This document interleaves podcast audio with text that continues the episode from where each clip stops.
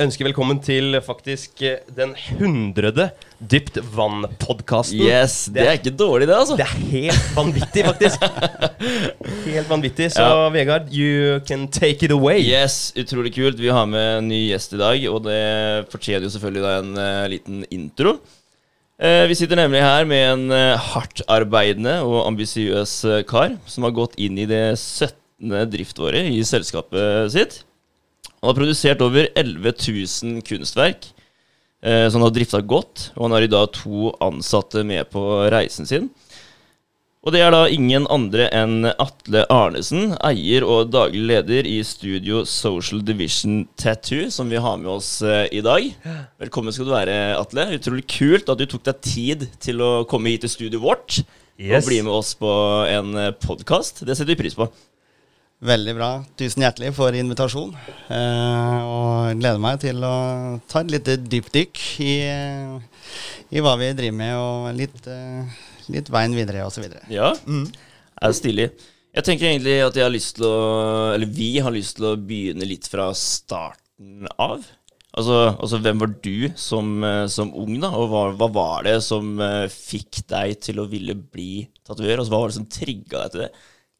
Nei, i utgangspunktet så, eh, så var ikke dette her en plan. Nei? Det er det som er. Det er ja. Tilfeldighetene har faktisk eh, ført meg til eh, veien i dag. Eh, og eh, eh, ja, kort eh, fortalt eh, ikke vokst opp med veldig ambisiøse forhold. vokst opp med mor alene i Frøyasvei i Halden eh, i boligblokkene der oppe. Eh, og etter hvert som vi jobbet oss eh, oppover og ble eldre, skole gikk osv., så, videre, så skjønte jeg jo at jeg kunne én ting, og det var å tegne. Mm. Det var det jeg hadde, det var det jeg alltid falt tilbake på. Ja, ikke sant? Ja. Hva var det du tegna da? Nei, i utgangspunktet så, så Vi var jo en gjeng oppi der, en eh, unge skokk. Og så eh, var det mye konkurranser internt og sånn, så så det ut som at det jeg gjorde, det var eh, Det så bedre ut enn det de andre gjorde. så, eh, ja, så det var liksom i utgangspunktet det som gjorde at det ble en rød tråd i det, eh, uten at vi gjorde noe mer med det. Det her var jo tidlig i livet, så det var jo eh, opp til første og andre klasse.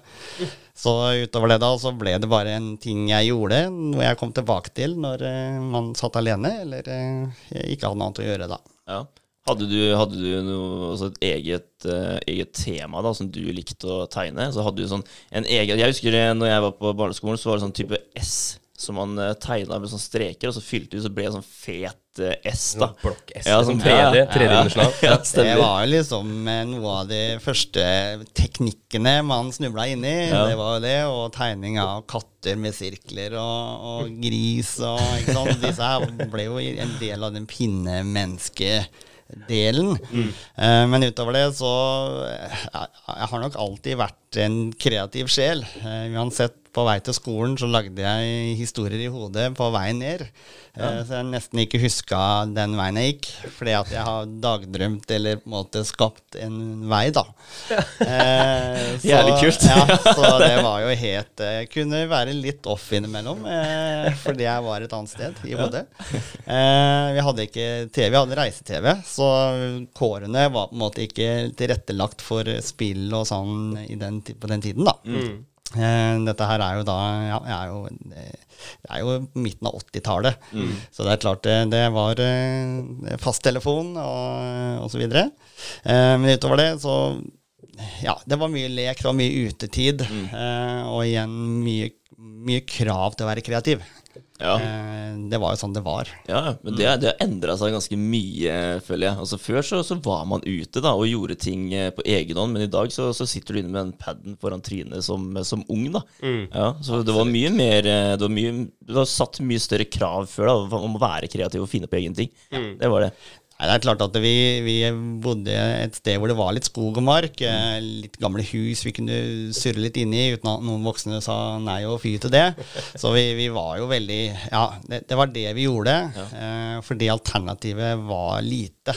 Med mindre det var dårlig vær, da. Så, så jeg, ja, jeg er enig. Det er eh, et helt annet krav til å være kreativ, og det har, det har endra seg drastisk, eh, som er på godt og vondt, tenker jeg. Apropos den der eh, veien hjem fra skolen og sånt noe, for det er litt interessant.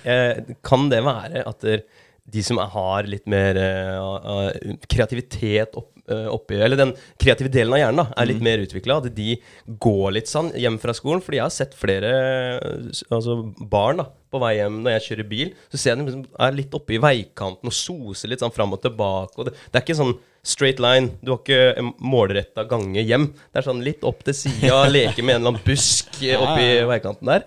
Det er, det, det, er nok, eh, du er nok inne på noe der, for det at i utgangspunktet så ble den veien rett hjem, den ble kjedelig. Eh, og vi, vi opplever det hele tiden, om det er i form av eh, ungdommer som skal gjøre en oppgave, eller om det er barn som skal gjøre en oppgave, så er jo veien til oppgaven litt interessant å studere. Eh, og det er jo ikke fordi at det har noe mindre intellekt eller at det er fokus og sånne ting, men det er bare en annen vei å gå. Eh, som vi kanskje ofte glemmer litt, og, og tenker at dere, nå er barnet ufokusert. Eh, Istedenfor å tenke at dere, nei, men eh, kan man ikke gå litt til høyre her? ja. Kan du ikke egentlig finne ut av hvorfor det huset egentlig er litt rart? Ikke sant? Det er Eller det. ja, det ikke er noe lys i det huset. Hvorfor er det sånn? Mm. Hvorfor kan ikke det være greit da? Ja. Jobbe videre på nysgjerrigheten og den der lille kreative delen. For det, jeg føler at mange blir bare satt i et spor når man entrer skolegangen. Ja, men det er den typiske greia. da, altså, Vær lik alle andre. Ja. Det er noe med det. Så det er viktig å, viktig å oppmuntre barn til å skille seg litt ut. Det er jo det. Vi eh, sitter jo med den eh, liksom, tanke, eh, tanken nå da, i forhold til Jeg skal ha et barn i desember, og da begynner man å tenke, da. Skole. Skal, eh, skal vi liksom tørre å slippe en løs på skolen? Der blir man liksom bare forma til å bli en del av det store puslespillet. Og jeg, jeg er jo veldig for det du snakker om, Atle. Det med å, å dyrke egenskaper og dyrke interesse. Ikke at man skal nødvendigvis Ok, ta studiespesialiserende, for da har du alle veier åpne. Det gjør alt mye vanskeligere. Ja, ja. Så hvis man da heller kunne liksom sett Ok, den, eh, den gutten der, han er dritflink til å tegne. Da uh, finner vi en eh, mentor, altså en, en lærer som er god på det, og så er han med han uh, x antall ganger i uka, og så bygger de kvalitetene samtidig som man får de basisgreiene som multiplikasjon, addering, altså alt det her. Ja. Det er veldig sant. Tegne, skrive, lese. Alle de basisgreiene må jo inn. Så Men åssen var det for deg, Atle? Altså, jeg tenker sånn Ungdomsskole, videregående. Fortsatte du med tegning da? Var det fortsatt en viktig del av livet ditt da? Ja, det er klart at der, eh, eh, igjen så har nok eh, eh, Barndommen har nok vært veldig påvirka at det har vært lite pådekka bord, da, for, å- for å si det sånn. Eh, så til tider da så har man hatt en del utfordringer om at vi ikke har hatt mulighet til å bli kjørt. Eh, vi har ikke hatt de privilegiene som, som kanskje var vanlig. Og det har nok tvunget meg til å gå tilbake til den verden. Eh, så, og jeg som sagt vokste opp med en mor eh, som ikke nødvendigvis eh, hadde de verktøya til å si at dette skal vi følge opp, eh, men bare unconditional love. Eh, jeg er her, jeg kan ikke noe annet, men jeg skal være her. Eh, og det var det som på en måte gjorde at jeg måtte gå litt veien når det gjelder eh, kreativt osv. Eh, det jeg alltid hørte, som alltid har satt seg, det er jo alle de eldre som, eh, som alltid sier jeg skulle ønske jeg gikk videre med det jeg likte. Ja. Ja, Litt tilbake til det jeg nevnte i stad. Dyrke. Ja, Ja. det er noe med det. Og du ser jo i dagens samfunn så får vi jo færre barn. Mm. Vi får mer tid. Vi får jo barn seinere i livet også. Mm. Så det er klart at vi, vi skaper nok en, en elite-menneske Mm. her oppe i Norden med så få mennesker og såpass gode muligheter, da. Mm. Så, men på videregående, altså si ungdomsskole, da, hvor det begynte virkelig å utvikle seg, hvor jeg da eh, leser jo mye tegneserier. Jeg tyr jo til den veien. Mm. vi hadde en, ble jo flytta til Sarpsborg eh, i en stund, hvor det var en brukt Eh, Ja. Eh, I gull... Eh, jeg tror det er Myntforhandleren, tror jeg bare ble kalt. Var en skikkelig sånn eh, rabagast oppe i Sarpsborg eh, sentrum der. Og han henta jo, fikk jo bytta inn blader, da.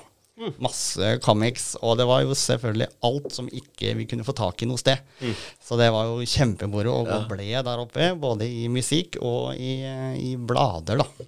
ja, fett. Ja, så, så egentlig det som gjorde at jeg oppdaga at ferdigheten kanskje var enda mer tilspissa enn det jeg hadde trodd. For jeg ble sittende en kveld, og så bare Jeg leste mye Konan. Ja. Conan the Barbarian. Yes. Det var liksom eh, ja, en en verden uten regler, og den sterkeste overlever. Eh, masse fantastiske damer. Det var jo alltid bedre tegna Ja. enn de mennene her. Det var mye kropp, det var det. Eh, og selvfølgelig utrolig heftige oppdrag og sånne ting, og det ble jeg litt bundet i. Eh, og en kveld så ble jeg sittende og tenke at dere, nå skal jeg faktisk sette meg ned og tegne det jeg ser. Og tok en helt random side, og, og endte med å tegne da den relativt lik. Som jeg sjøl tenkte Oi, hm, det her er kult. Ja, ikke sant? Det her må jeg sjekke ut. Ja, Det var ikke bare en strekfigur? Nei, det ble bare en form, og så ble det da et monster, og Mm. han derre barbarian da, som hogger hodet av dette dyret her. Og jeg, jeg tok helt av, tegna hele den natta. Jævlig kult, da. ja, Bare sitte der og skjønne at fy fader, jeg er jo faktisk god. Ja, det, det var en revelation. Altså, det, var, det var helt rått. Det var det.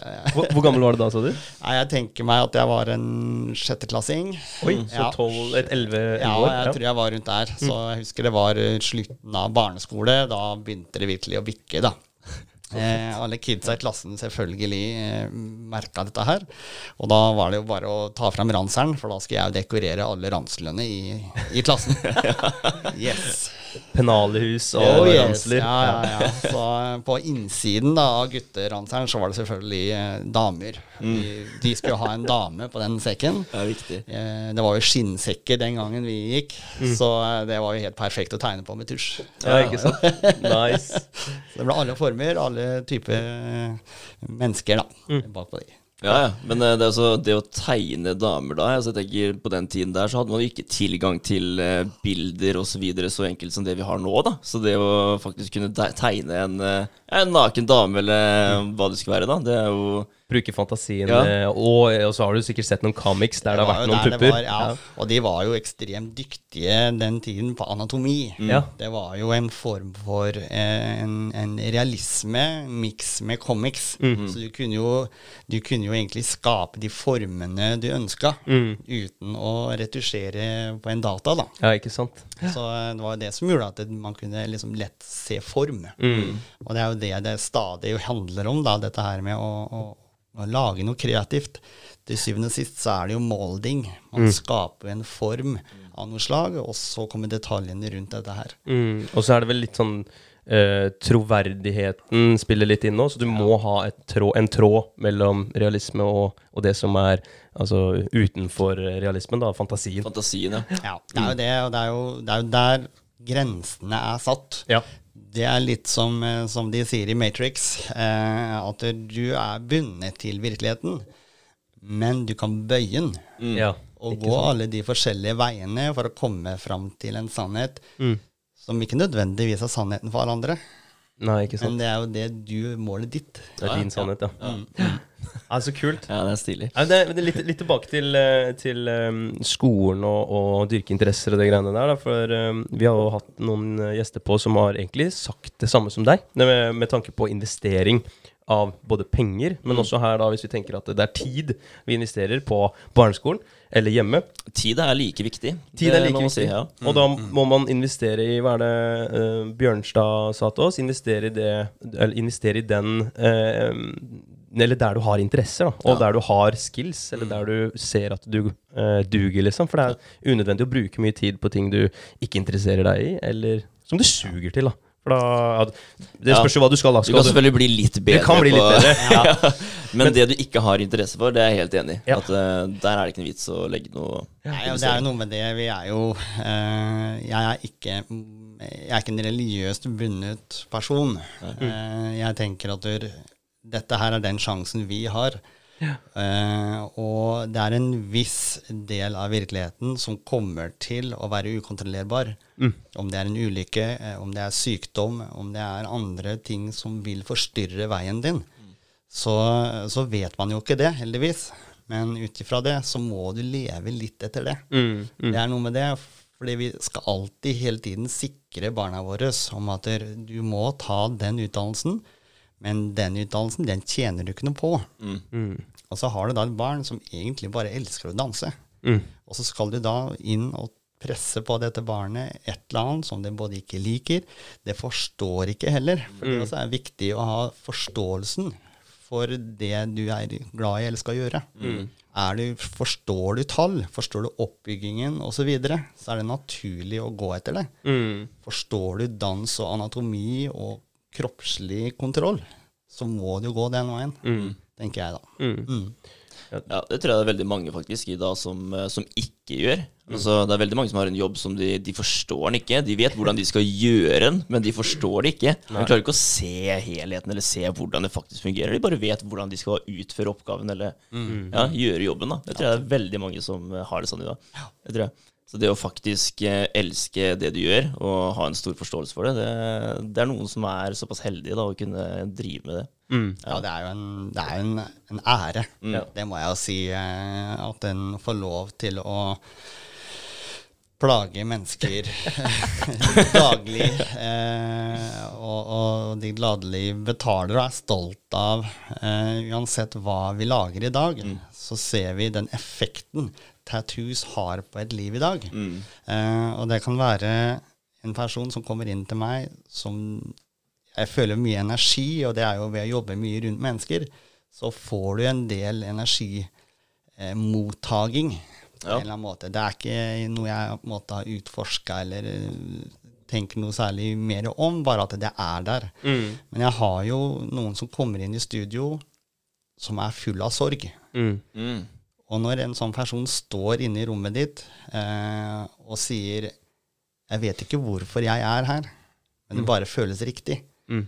det er klart at da har du en del makt, og du har en del ansvar som kommer inn i studioet ditt, og det handler om å ta vare på det mennesket. Mm. Om det bare er å tatovere ordet 'pust' eller 'nå', Mm.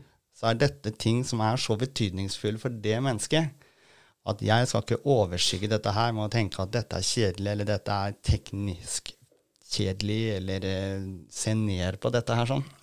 Ikke sant? Det kan være litt vanskelig òg, da. Så det er, jo, det er jo en styrke man må, man må ha. da. Altså, du må faktisk bli flink til å klare å lese personer på den måten òg. Ja. så ikke du kommer og bare sier noe du ikke burde sagt. da. Altså, ja, så ødelegger du dagen for den personen. Ja. Kan du si som Uncle Ben, da? With great powers Ja. Comes great responsibilities. Ja. Det er jo litt sant. Fordi litt du har, sånn. du har en makt du, Altså, mennesker legger jo faktisk kroppen sin på benken din og så bare Skad meg med å legge inn litt blekk. Ja. Jeg hadde lyst til å si det i introen, at du er jo Haldens store blekksprut. Ja. Faktisk. faktisk. men eh, jeg følte at den var litt uh, corny. Du fikk den inn nå, Ja, altså. jeg fikk den nå. Ja. Ja. Eh, Men jeg lurer litt på videre løpet her, da. Altså, så kommer utdanningen, da. og så tenkte du da i løpet av videregående, eller eh, gikk du videregående? Var det Ja. Eh, veien videre var jo preget av litt flytting osv. Ja. Eh, og vi ender opp med å dra tilbake til Halden. Det er da hun mor som, eh, som flytter en del, og så bare henger jeg med på det lasset her. Eh, hvor vi da ender opp på Damhaugen. Eh, og derfra da så går jeg på, på ungdomsskolen oppe på Strupe. Fordi det var der jeg på en måte sokna til fra første stund. Så jeg havna i klassen til, eh, til de jeg kjente litt fra første gang, da. Mm. Eh, og utover det da, så eh, Ungdomsskole for meg, det blir rett og slett å overleve. Det blir å komme meg gjennom. Eh, fant aldri helt min greie med det. Eh, var ikke noe opptatt Jeg skjønte aldri trender, jeg skjønte aldri disse tingene der. Og var ikke noe interessert heller å bli med på den, kall det den dansen, da. Eh, utover det da, så var det jo Damøven-livet. Det ble prega av mye fest. Det ble mye ja, venner og sånn som samla seg der nede. Vi var en klikk. Eh, og lite tegning, egentlig. På den perioden så går jeg nok mer over i en fase hvor jeg ikke helt finner meg sjøl. Eh, og holder på med et, et liv hvor du planlegger helg til helg. Ja. Eh, som i utgangspunktet ikke var noe sunt. Nei. Nei. Leve for helga, liksom. Ja. Men alle, jeg tror alle, Jeg tror de fleste er gjennom det. ja, alle har vært der. Ja. Også noen litt hardere enn andre, kanskje. Ja, ja, ja. Nei da. Eh, jeg har en, en fantastisk lærer som, eh, som eh, ser meg. Eh, På strupet? ja, Ja. rett og slett. Eh, og det, det har på en måte vært kanskje redningen for å gidde å fortsette å møte på skolen. Ja. Det var det lille han gjorde. Eh, om det så var om skoletur, jeg ikke hadde med penger, så stappa han en hundrelapp i lomma mi. Bli med gutta på McDonald's. Så de tingene der ble veldig sånn Da fullfører jeg. Mm. Da kommer jeg meg gjennom, fordi han ser det. Så utrolig vakkert. Ja, det det, Jeg syns det, er så- det er så rart at det er så, det er så lite som skal til da, Ja. innimellom fra en annen person for, Ja. å, bare, for å få deg til å ville fortsette. da. Det er sånn, Du kan holde med et hei. Ja. Du kan bare hilse på en person på ja. butikken. liksom. Det kan bare gjøre dagen deres. da. Så det er, enorm effekt, ikke sant? Og det Mm. er klart, det ser man jo i dagens samfunn også, hvor du, som tidligere nevnt, blir en del av flokken. Mm. Du søves inn, du kjøres inn i disse slusene, og til slutt så er man jo 30-35 barn i en klasse. Mm. Og er det den personen som ikke har behov for å rakke opp hånda, ikke har den driven eller det behovet for å si 'hei, her er jeg', Mm. så er det klart, da drukner du litt. ja, du forsvinner i mengden. Du gjør det. Og det gjelder oppfølging, det gjelder jo alt dette drar med seg videre. Eh, så jeg tenker Det var det jeg fikk. Det var det som holdt. Han visste at jeg ikke kommer til å være noe stort uh, stjernelag i klassen, uh, men det satte han ikke krav til heller. Eh, jeg ser deg, heng med, så, så får du til. Dette her klarer du. Så kult. Hvis vi tar en liten parallell til han Trond Henriksen, da. Det var det han sa Det var der han havna på feil side igjen. Så hvis han ikke hadde Eller hvis han, han ikke Eller hvis han hadde kanskje mestra klassen sin og følt seg en del av klassen sin, så hadde ikke han havna på det kjøret han var på. ja, for han datt jo ut der. Han datt jo ut Ja. der. Og det samme, altså Nå sier jeg ikke at eh, du kunne vært på kjøret, men, Nei, eh, men, men, eh, det er jo alltid en, mm. en en annen mulighet, da. Ja. Hvis man ikke får den utstrakte handa. Absolutt. Ja. Og det er Man kanskje ikke tenker over det i det store hele bildet med, med fotball og alt dette her som man har litt krav på i dag. Eh, så er det lett å se at det det er de små feilskritta hvor du egentlig kunne bare ha svart nei istedenfor ja. På veldig få ganger i løpet av det livet så går veien en annen. Mm. Det er det Det som er er. veldig sant. Det er så fort gjort òg, at, eh, at veien eh, at du, at du tar en annen vei enn det du egentlig var ment til å gjøre. da. Du kan møte en, en dame eller en mann på gata vet du, som er på vei til å hoppe utafor en eller annen bro, og så er det det ene lille smilet eller den derre 'Hei, hvordan går det med deg i dag?' Så stopper du den personen for å gjøre det akkurat den dagen. Det er ganske store effekter. Ja. Nei, man kan, man kan jo analysere det, og det er jo, det er jo helt rått Ja. når du går inn i sånne detaljer. Eh, Tilbake til power, with great powers. ikke sant? Ja. Du har, vi har et stort ansvar. Vi vi, har må, vi må bruke ordene våre, med, med omhu Riktig, Ja. og handlingene. Det er viktig å hilse og være snill mot andre. Det, det er vi enige om. Det er vi enige om. Har du, skriver du det ned? Eh, ja, ja, må jeg noterer Notere det. Ja, Kan tatovere det. Ja, ja, ja dæven. Nei, da. Nei, så, Tør vi det? Ja, jeg, kjører, jeg Um, møter opp i studio, jeg. ja, ja, det er bra. Nei da, så videregående ble da selvfølgelig kreativt. Og Ja. det var den læreren som sa at vet du hva, uh, helt ærlig, kom deg inn der. Eh, fordi det eneste som sto egentlig likt for alle, det var jo å få den studiekompetansen. Eh, og da hadde jo tegn, form og farge, som dessverre ikke er der lenger, på Risum. Er det musikkdansdrama nå, på en måte? Eller? Ja, det- var vel man slått det sammen litt, men jeg tror man har flytta en del av de linjene over til jeg tror det er Sarpsborg, faktisk. Ja, Så det er kreativt fag, da. Mm. Eh, utover det, da, så var jeg der oppe. Kjørte to år eh, grunnkurs og VK1. Eh, igjen veldig preget av det livet på Damhaugen. Mm. Eh, så det forstyrra mye av den, det fokuset. Eh, leverte selvfølgelig det jeg skulle med de kreative fagene, og tenkte at jeg må bare stå når det gjelder det teoretiske, Mm. rett og slett. Eh, utover det da, eh, så blir jo disse festårene ganske eh, merkbare. Eh, og de jeg henger med, begynner å da gå en annen vei, som er litt mer skummel. Som ofte er effekten av en sånn type liv, da. Ikke sant? Eh, hvor jeg tenker dette funker ikke. Nå er jeg på vei et annet sted, eh, og der kommer en av mine valg Ikke sant? hvor jeg hopper av. Eh, Istedenfor å ta VK2 da, så drar jeg militæret. Ja. Ja. Rett og slett. Kommer det litt bort. ja, var det valget? Altså, du klarte faktisk å se den der? At eh, nå må jeg faktisk komme meg vekk fra, de, Ja. fra den gjengen her, da, ellers så går jeg i samme retning. Absolutt. Ja. Og det er jo en, i utgangspunktet en fin gjeng, men, men, men ambisjonene våre der sånn, det var, det var bare noe i meg som sa at det, det var noe mer. Det var noe mer enn å våkne og, og planlegge den helga. Veldig morsomt. Superherlige folk, mange av dem. Eh, noen er dessverre ikke her i dag.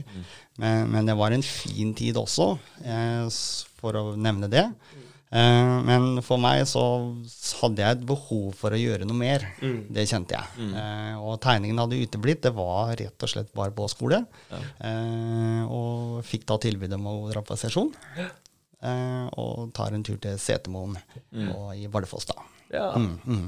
Så du har vært i Nord-Norge i et år, eller? Ja, da dro vi opp dit. Jeg hadde jo aldri, aldri reist på den måten, så jeg hadde jo ikke Det var første gang jeg kjørte fly. Oi, Det var helt rått. kult. Ja. eh, og de fjella og naturen var jo bare Ja. Jeg husker vi sto på oppstillingsplassen, og jeg bare sto og titta på fjella. Og Ikke sant? Arnesen! Arnesen! Våkne opp. Ja. Jeg skal bare la det synke litt inn her, så. Ja, det er fantastisk, da. Ja, men det jo er en stor utfordring da, å gå fra, fra lille Halden da, med mange mennesker, venner rundt deg hele tiden, til å plutselig dra til Setermoen alene. da, Ja, ja, ja. Forsvinne fra alle venner og er nødt til å finne nye venner. Altså Det er, det er en stor prøve som man, man er nødt til å komme seg gjennom. Ja. Og det er ikke, det er ikke lett, det. Det å gå og bare plutselig Nei, det- ta kontakt med en person da, og finne ut om er han her ålreit, liksom. Yes. Er det en person jeg kan henge med, da? Det krever litt av deg som Ja, person. ja, ja. Og det er jo det som på måte, ofte skiller litt, tenker jeg, når det gjelder mennesker. Det er jo eh, kontakt, altså nettverking, da. Det, er en, det er en egenskap som er helt unik. Eh, og det skiller ofte eh, hvordan type liv du får, eh, tenker jeg. Mm. Eh, noen liker at det er svært få mennesker i livet. Eh, noen liker at det er én vei til jobben. Mm. og få lønna si og leve det livet. Og så lever de heller et annet liv hjemme, med familie osv. Det er helt i orden. Respekterer det veldig høyt. Og så har du andre som har et eller annet mer behov for at det er noe mer som skjer. Det er nysgjerrigheten. Eh, og så tørre, da. Mm. Vet du hva, den døra her, den er bare nødt til å sjekke ut hva som er bak. Ja, ja. Banke på, eller åpne opp. Ja, ja. Hva skjer der? Ja. Så, eh, så eh, dro opp dit. Eh, havna i kavaleriet. Det var jo storm. Mm. Eh, vel kjent eh, rock'n'roll-tjeneste. Ja. Kult. Eh, det er førstemann inn og levetid på rundt 20 sekunder. Så Passer meg bra. Ja, ja. Fremste linje. Ja, ja, det var det, ikke sant. Normandie. Eh, utover det da, så fant jeg meg godt til rette. Eh, og da kommer inn på dette rommet med fem andre karer med ambisjoner lenger enn helga. Ja, ikke sant? Wow. Ja. Det for meg var bare helt Det her, det her er det jeg leter etter. Ja, ikke sant? Ja. Og jeg er på en måte en betrakter. Jeg er en som kan se detaljer, er veldig opphengt i detaljer. Så jeg brukte mye av den første tiden i, i militæret til å prate med de. Mm. Lytte, høre om ambisjoner, høre om deres liv, eh, og, og sånn, som var helt noe annet enn det jeg drev med. Ja. tenkte jeg det. Det er Bare så suge til seg Ja, ja. det var helt rått. Ja, men det er helt rått. Og så ha den der nyanserte eh, tankegang rundt det, da. Og sånn som du har da, allerede som 18-åring ish. Ja, ja. var eh, rett over 18, ja. Jeg tenkte det, eh, altså jeg tror ikke jeg hadde den uh, innstillinga om at jeg, jeg skal være interessert i andres liv. Det er jo det vi ønsker å gjøre nå. Det er jo det vi Ja. holder på med nå. altfor ung. Jeg Til var å, alt for- alt for ung, ung til sinns da, til Ja, ja, ja. å ta de beslutningene der. Selvsentrert. eh, At det, all, jeg er viktigere enn de rundt meg. ikke sant? Ja. Det er jo litt sånn man, eh, De fleste mennesker er jo veldig der, og og det er jo derfor eh, det er så viktig å lytte til andre for å skape en god, en god relasjon. Fordi folk er veldig glad i å pra prate om seg sjøl. Mm. Men uh, utrolig kult. Så, så der så uh, hva, hva opplever du at du får, uh, får sugd til deg enda mer eh, altså, mm, erfaringer og informasjon og Ja, det var jo Det var Én ting var jo på en måte hva deres mål var, og sånn. Det var liksom ikke det interessante med det, men det var det å ha den evnen til å ha lyst til noe mer. Det var jo det som var interessant. Eh, og det er klart, kameratskapen og Det hadde jeg mye fra der jeg vokste opp. Mm. Det er klart, når du driver og fester og er sammen med en liten klikk i et sted som Damøven, da, mm. Som også var prega av mange andre typer mennesker i det området, Ja.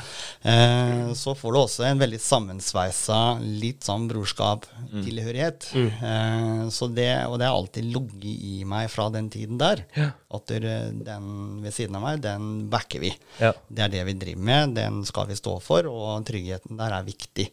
Den personen må også vite det. Ikke sant? Eh, så, så det var veldig naturlig for meg å gå inn i den rollen der. sånn. Det var helt nytt å pushe kroppen på den måten. Ja. For det, det er klart, i den tjenesten der, så er det, det er helvetesuker, det er full pakke, det er oppakning utom natta. Så jeg ble jo hevet ut i noe som jeg tenkte Skal jeg finne meg i å få ordre, eller ikke? Og hvor tar det meg hvis jeg sier ja nå? Mm. Så det er alltid vurderingsevner hele tiden, gikk jeg gjennom. Eh, gjerne på kvelden når jeg var utslitt og sånn, så ligger man og kjenner litt på dagene, da. Ja, fy faen. Det er helt klart. Men eh, altså, du kommer da fra et brorskap, som du sier, Brotherhood i Halden, også til et nytt brorskap. Er det, er det så store skiller på de som velger å takke ja til altså nå, Noen blir jo bare beordra, men de som kommer inn i tjeneste, og de som ikke drar i tjeneste. Føler du at det er, det er forskjellige typer av mennesker i tjeneste og ikke i tjeneste? Jeg tenker jo at dere, vi som kaller det art, da, for, å, for, å, for å sette en, en, et ord på hva vi er som mennesker og behov osv. Mm. En ting er den sosiale biten vi alle må ha påfyll av. Eh, utenom diagnoser osv. Men, men det er klart, tilhørighet i grupperinger, det er noe som alltid har fungert. Eh, vi ser jo når vi kapper hodet av ledere uten å ha en ny leder som trapper opp, med tillit til folket. Det ser vi i, i militære sammenhenger, vi ser det i gjengmedlemmer osv. Så, videre. så er man avhengig av å ha et hierarki. Ja. Det, det er sånn systemene er satt opp. Det har du til og med i en familie med mye, mange barn. Ja. Du har dine roller, du har din plass. Og det er jo mer å finne en plass som ikke du er satt til imot din vilje, men naturlig har kommet dit. Og i helvetesuker osv., som vi kaller det i militæret, så vil de jo sile ut styrkene til hver og en. Vi, satt jo ikke, vi satt jo ikke i en kar som måte ikke hadde den fysiske styrken til å være MG1 Nei. og bære på et våpen på en del kilo, eh, eller skudd og sånn til det. Da miksa vi litt og ordna litt. En sniper var jo mer en utholdende person, fordi egenskapene var der. I tillegg til å kunne lese kart, være mye alene osv. Så, videre. så man, man finner jo sine oppgaver, og det er der vi igjen kommer til dette her med hva du liker. Hva trives du med også? Og trives du med en oppgave, så er det ikke så hardt. Det er ikke så kjipt. Fordi du tenker at det her er en helt ok ting. Ja. Kroppen fikser det, huet mitt fikser det. Jeg liker det, jeg er interessert. Ja. Så jeg tenker jo det at i, i sammenhengen, militært eller ikke, så tror jeg, og opplever i erfaring, at vi har behov for eh, å finne plassene sine Ja. Og fungere i flokk. Mm. Det er det vi gjør sosialt, eh, og ikke minst mestring av større oppgaver. Hvor vi har flere som jobber sammen for å skape noe stort. Ja. Så det er nødvendigvis ikke at det er forskjellige typer mennesker som ok, trekker inn i militæret eller bor på, på Dammehaugen f.eks., men det er det at strukturene i de ulike miljøene er forskjellige. Så i militæret så har du en struktur som kanskje kan, eh, kan plassere folk litt bedre. Der har du rammene, du har rollene, det er tydeligheter i roller og rammeverk. Mens i Halden, da, så er det, der er det flytende. Så Ja. der klarer ikke folk kanskje å finne sin eh, vei. Og hvis man ikke får hjelp da, så kan man havne litt Yes. utenfor. Mm, Veldig fin måte å finne ut hva du er flink til. Ja. Og det å vokse som person. da altså, Vi har vel alle vært i Forsvaret? Mm. Ja. Det det. ja. Så jeg var litt no, litt- Åssen blir det? Nordøst for deg? Jeg var på Skjold. Ja. Det, ja, det ble i hvert fall øh, å, samme område. ja, ikke sant? Og du var på sjøen? Jeg var på sjøen. Var i Jeg var Somalia? i Bergen. Det var jeg. Ja. Var du utenlands, eller? Ja. Jeg Har vært, eh, vært i KFOR 3. Mm. Ja. Så jeg har vært i Kosovo, da. ja, ikke sant? Så det var eh, veien etter militæret, når en tenker at der, eh, ok, nå begynner vi å nærme oss slutt. Ja. Så var det et prosjekt Norge ble med på i forhold til å sende fredsbevarende styrker. Eh, det var jo etter eh, eh, krigen i, Kosovo. ja. Eh, og da fikk vi tilbud. Vi gikk gjennom en del tester, og så hadde jo ikke jeg festen nede i byen. Den fortsatte. Mm. Så jeg hadde ikke noe Jeg skulle ha gjort ferdig skolen, men jeg tenkte at per nå så hadde jeg ingen der nede som trakk den veien. Eh, så jeg takka ja, eh, og tenkte at dere, da kjører vi på. Eh, det kan hende det åpner for nye ting. Mm. Mm. Og det var nok kanskje den eh, mest personlige utbedringen og byggingen av egen personlighet som jeg fikk ut av det året. Mm. Ehm, og var der nede i to kontingenter, da. Ja. Mm, mm. Jeg jo føler at Jeg var jo i Somalia, ja. men jeg var, på, jeg var på båt, da. Ja. Eh, men eh, det å være på båt, en lukka plass sammen med så mange mennesker, da skal du lære deg det å ja, takle temperamentet ditt, da, for det første. Tolerere folk. Tolerere andre mennesker. Det å klare å bare være med de samme trynene hver eneste dag, da. Så det er ganske hardt, det òg. Men jeg bare føler at det alt det man går gjennom i Forsvaret, da, det, det er virkelig med på å forme, forme deg som person. Og det er mye du kan ta med deg derfra av egenskaper og kvaliteter som eh, gjør godt for deg i livet senere òg, da. Det er det. Men eh, når du var ferdig der, da, var det tilbake Var du tilbake Var det rett jobb da? Begynte du Eh, ja, i utgangspunktet så Det var jo der nede. Da begynte jeg vel å ta av tegningen igjen. Når du var der, ja? ja Okay. Eh, fikk en del oppgaver av eh, administrasjonen i forhold til å lage skilter til forskjellige baser. Og, så jeg gjorde en del sånne andre oppdrag. Eh, og da kom den lysten litt tilbake igjen, da. Ja. I forhold til å ta opp det, det artistiske. ja, ikke sant? Eh, og utover det da så hadde jeg en del nattvakter. Vi passa på en del eh, bygg og kirker osv. Så, videre, så jeg fikk jo mye tid da til å sitte og lage telefonkatalogtegninger. Ja, kult, ja. Men fikk du, fikk du litt den gløden igjen da? Og tenkte at du, ja, for jeg er fortsatt flink til det her, liksom? Ja, det var det. Ja. Det var jo det var litt sånn tapt eh, ting. Og eh, rådgiver osv. på videregående hadde vel ikke den kunnskapen om hva du kan bli som tegner. Eh, så jeg kjente etter de dagene og de utdanningsmessene og sånn som vi ble sendt på, så var det, det var grafisk designer, eh, og så var det møbeldesigner, og så et par andre ting. Eh, men jeg var nok mer en frihåndstegner, en illustratør, enn å forholde meg til veldig stramme linjer osv. Ja, for hva er forskjellen egentlig? Frihåndstegner kontra Eh, illustratør? Ja, en, en illustratør er i utgangspunktet alt kreativt du kan lage for hånd. Ja. Eh, det er en illustratør, men det er vel hovedbegrepet. Eh, når det går inn i visse, eh, kall det bransjer, da, som en møbelsnekker, eh, en, en designer for hus osv., så, videre, så er det nok mye mer bundet opp til verktøy som gjør at måleskalaer og alt dette henger sammen. Og da blir en frihåndstegner det er mer med penn og en, et lerret. Ja. Så jeg er ikke bundet av linjaler eller verktøy. Eh, og det var det jeg kjente kanskje ble veldig mm, Ikke helt min greie, da. I hvert fall eh, etter Kosovo da, så tenkte jeg jeg må i hvert fall digitalisere det jeg driver med. For det Ja. var liksom Det her er da i 99 til 2000. Eh, Det store millenniumet skulle komme, og det var jo en stor digital omveltning. Det var jo fremtiden. Eh, så Ja. Så sitter vi her nå, da. 22 år senere. Ja, ja, kult. Kult. Eh, ender med å søke eh, siste året på, på, eh, på Risum. Eh, studiekompetansen var jeg avhengig av å ha, rett og slett, for å kunne søke meg videre til, eh, til skoler. Eh, Starta å jobbe nede på Videoverden. Ja. Eh, da var da vi leide ut eh, DVD-er og filmer. Og ja, det husker vi. Det husker vi godt. Ja, Ja, ja, ja. tipping og Så jeg jobba med det, på å si. Og så var det da eh, å gjøre ferdig det skoleåret. Videovergen, var det den, det hvite bygget nede i byen? eh, Ved Tistasenteret der? Det var showtime. Det var showtime, Ja. Ja, det var Showtime rett over, tror jeg. Og så var det vel den lille gule lands der, som var videoverden. Ja, Stemmer, riktig, stemmer. Så eh, utover det da, så kom jeg meg gjennom. Jeg sa til norsklærere at dere, målet er å stå. Ja. Det er det jeg har. Jeg må komme meg gjennom. Jeg må, og da Han sa det, det er en kjempeærlig ting å si. Eh, jeg visste om mine begrensninger. Jeg hadde jo vokst mye på tiden i militæret. Så dette her med litt selvrenselse og forståelse for hva jeg kan og ikke, og har lyst til, den var mye skarpere. eh, mye mer klar. Eh, og kom meg gjennom. Eh, søkte på en privatskole i Oslo som grafisk designer. Eh, Ja. Og leverte en del eh, sånne opptaksprøver. Oi. Og kom inn der. Så kult. Ja, det er stilig. Ja. Så da, da var det pakke sekken. Eh, få seg et studielån.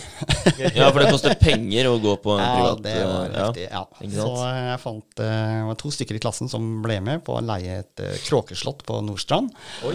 Eh, innlosjerte der, jeg og de to jentene, og så var vi i gang.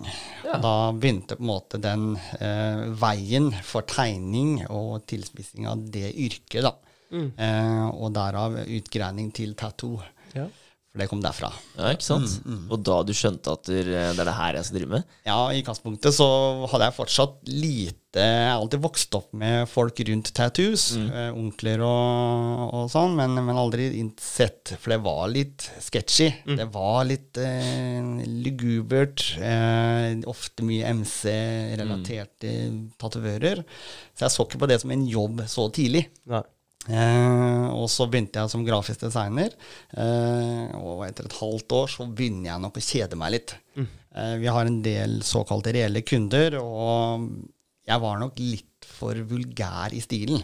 Eh, alltid på disse her kundemøtene så Nei, nå var det millennium. Det skulle være svart med gullbokstaver og helt lint. Så jeg gråt jo inni hjertet mitt hver gang det ble sabla ned, dette her eh, crazy greiene jeg driver med.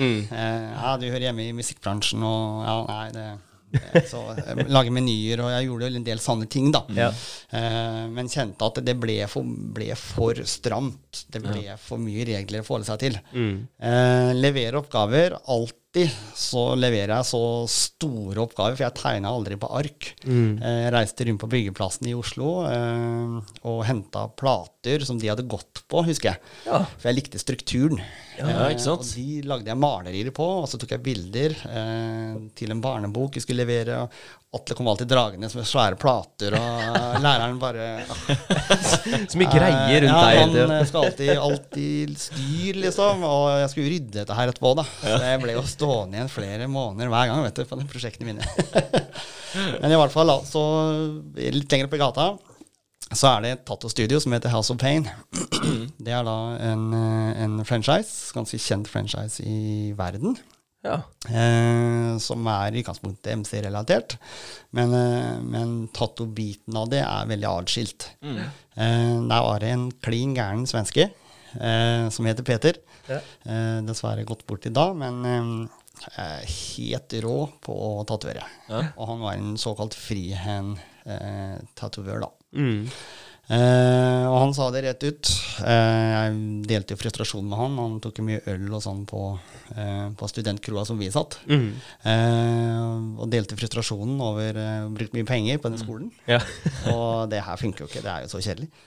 Og da sa han bare nei, du får henge hos meg. Kom opp til meg, så det er ingen forpliktelser. Eh, jeg kan ikke lære bort noe, jeg kan ingenting. Eh, det er eh, party. Han tatoverte jo alle svenske utelivsbransjen. så det ble jo mye, mye natteravning og sånn i helgene, da. Men eh, han var helt rå på, på å tegne og, og tatovere, da. Eh, så helt automatisk ble det bare at jeg dro opp dit etter skolen. Eh, I tillegg til det, for å få penger til å bo i Oslo, så jobba jeg på Video Nova Ja.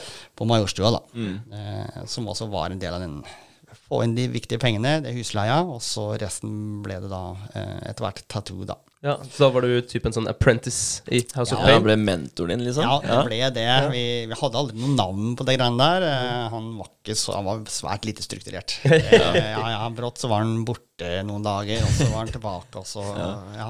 Men, men åssen fungerer egentlig det også når du, når du begynte med det her? Da, så kan jeg tenke meg at det var ikke, det var ikke en utdanning å bli tatovør? Var det det?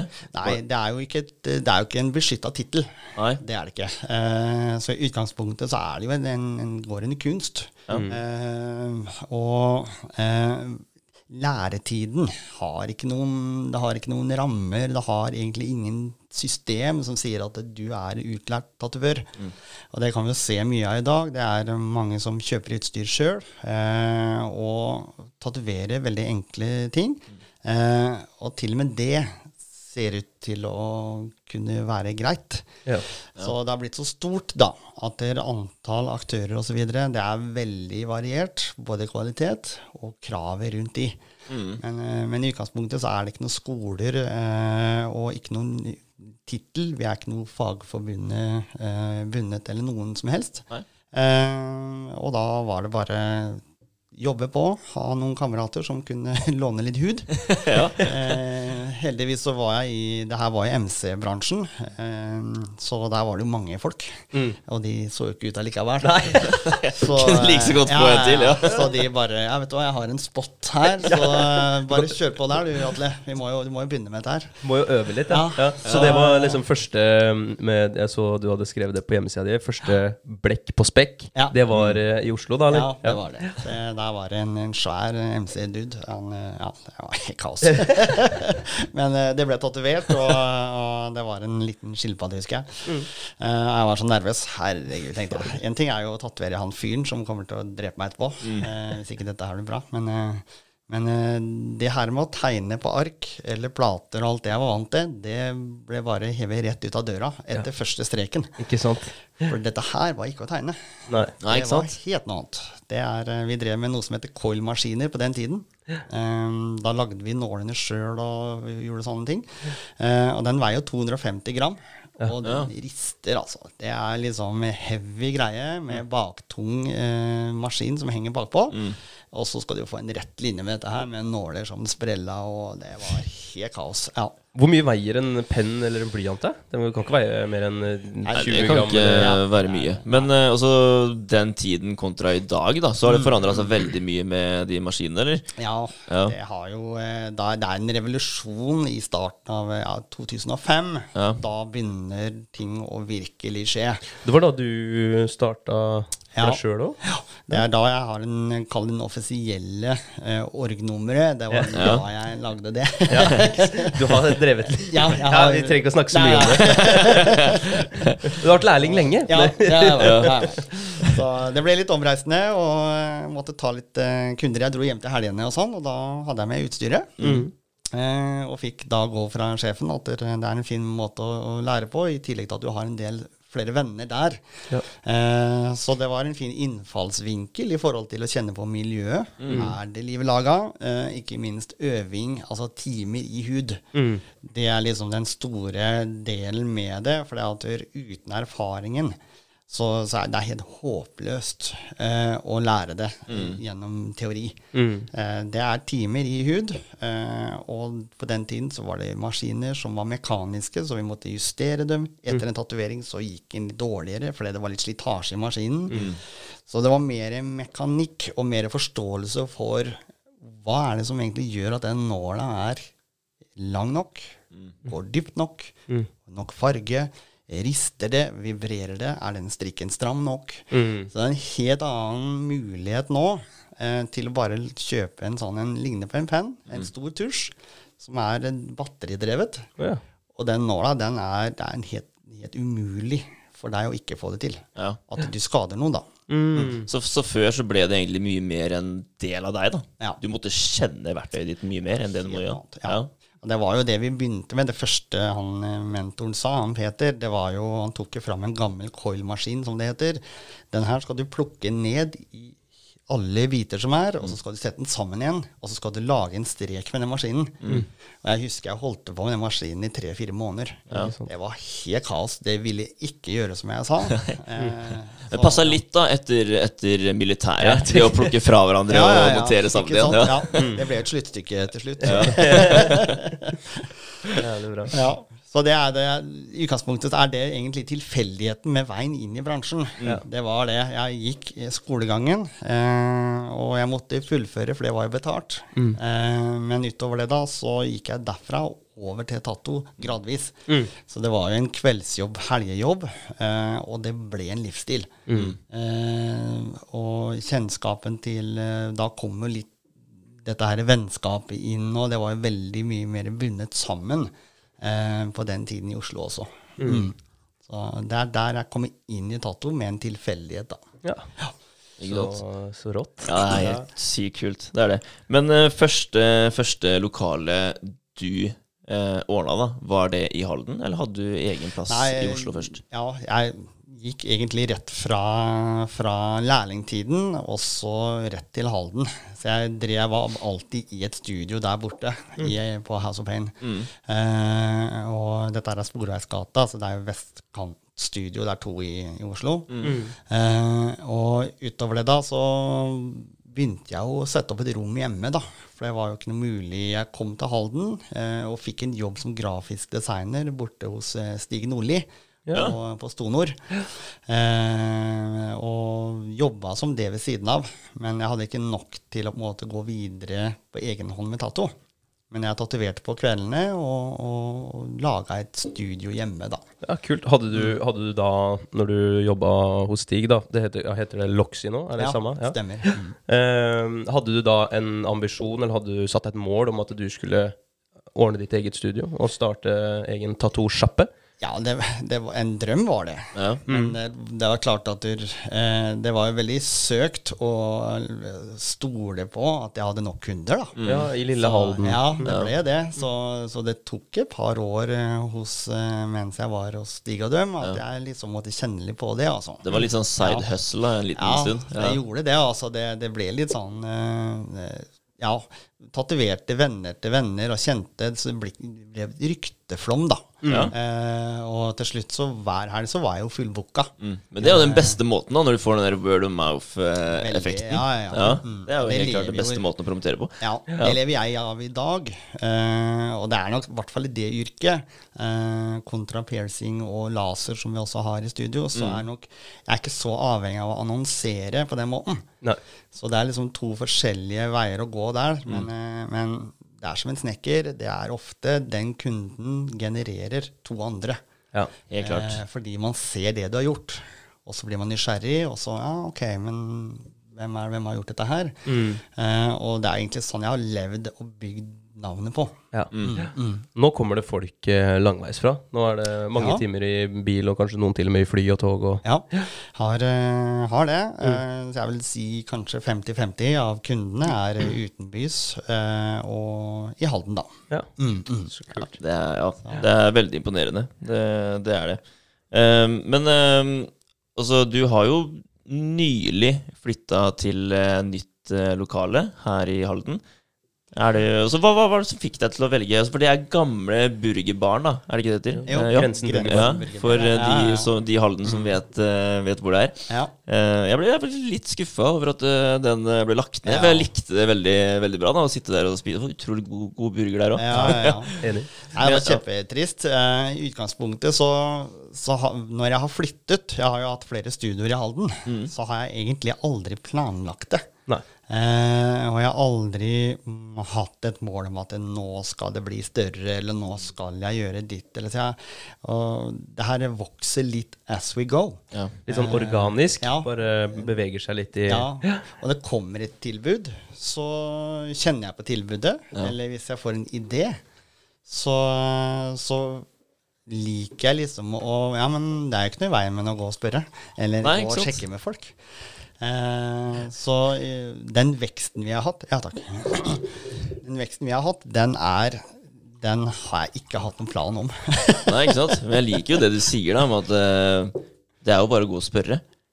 For, å, for å komme seg videre, da. For det er jo utrolig mange som bare Nei, med mindre det faktisk eh, kommer ut et eller annet på Finn, da, som jeg kan ta kontakt, kontakt med de gjennom den, liksom, så Absolutt. gidder ikke jeg gjøre noe. Men Ja. det å bare gå og bare sjekk da, om det faktisk er en eh, mulighet der, liksom. Det er jo Ja. ikke noe verre enn det, egentlig. Og det, det vil jo åpne døra så mye raskere òg, da. Ja. Ja. Ja, det blir det. Det er lett å kanskje ikke tørre helt den konfrontasjonen eh, i uventet eller for å få et nei osv. Men også sender man kanskje en melding, og da er det lett for at den meldingen blir forsinka i informasjonsstrømmen. Det har jeg merka. Uh, Isteden så bare ta opp uh, kontakten. Bare finne ut av det, eh, og så ta deg en tur. Og vær litt casual. Det har alltid vært eh, veldig nøkkel for meg. Hei, godt håndgrep. Og så Hvem er du? Se folk i øya. Eh, jeg har en idé. Hør på dette her. Og så er liksom eh, Jeg vet ikke, du får med en tankegang. Du sår frø hele tiden. Eh, og jeg har ikke noe mål om å, å bli det ene eller andre, men jeg syns det er gømoro eh, å se på ideer. Hva kan vi gjøre? Hva om vi flytter ideen litt? Hva om vi kutter ned den ideen, så setter jeg på en annen idé der? Hva skjer da? Eh, hvem kan jeg dra med i prosjektet?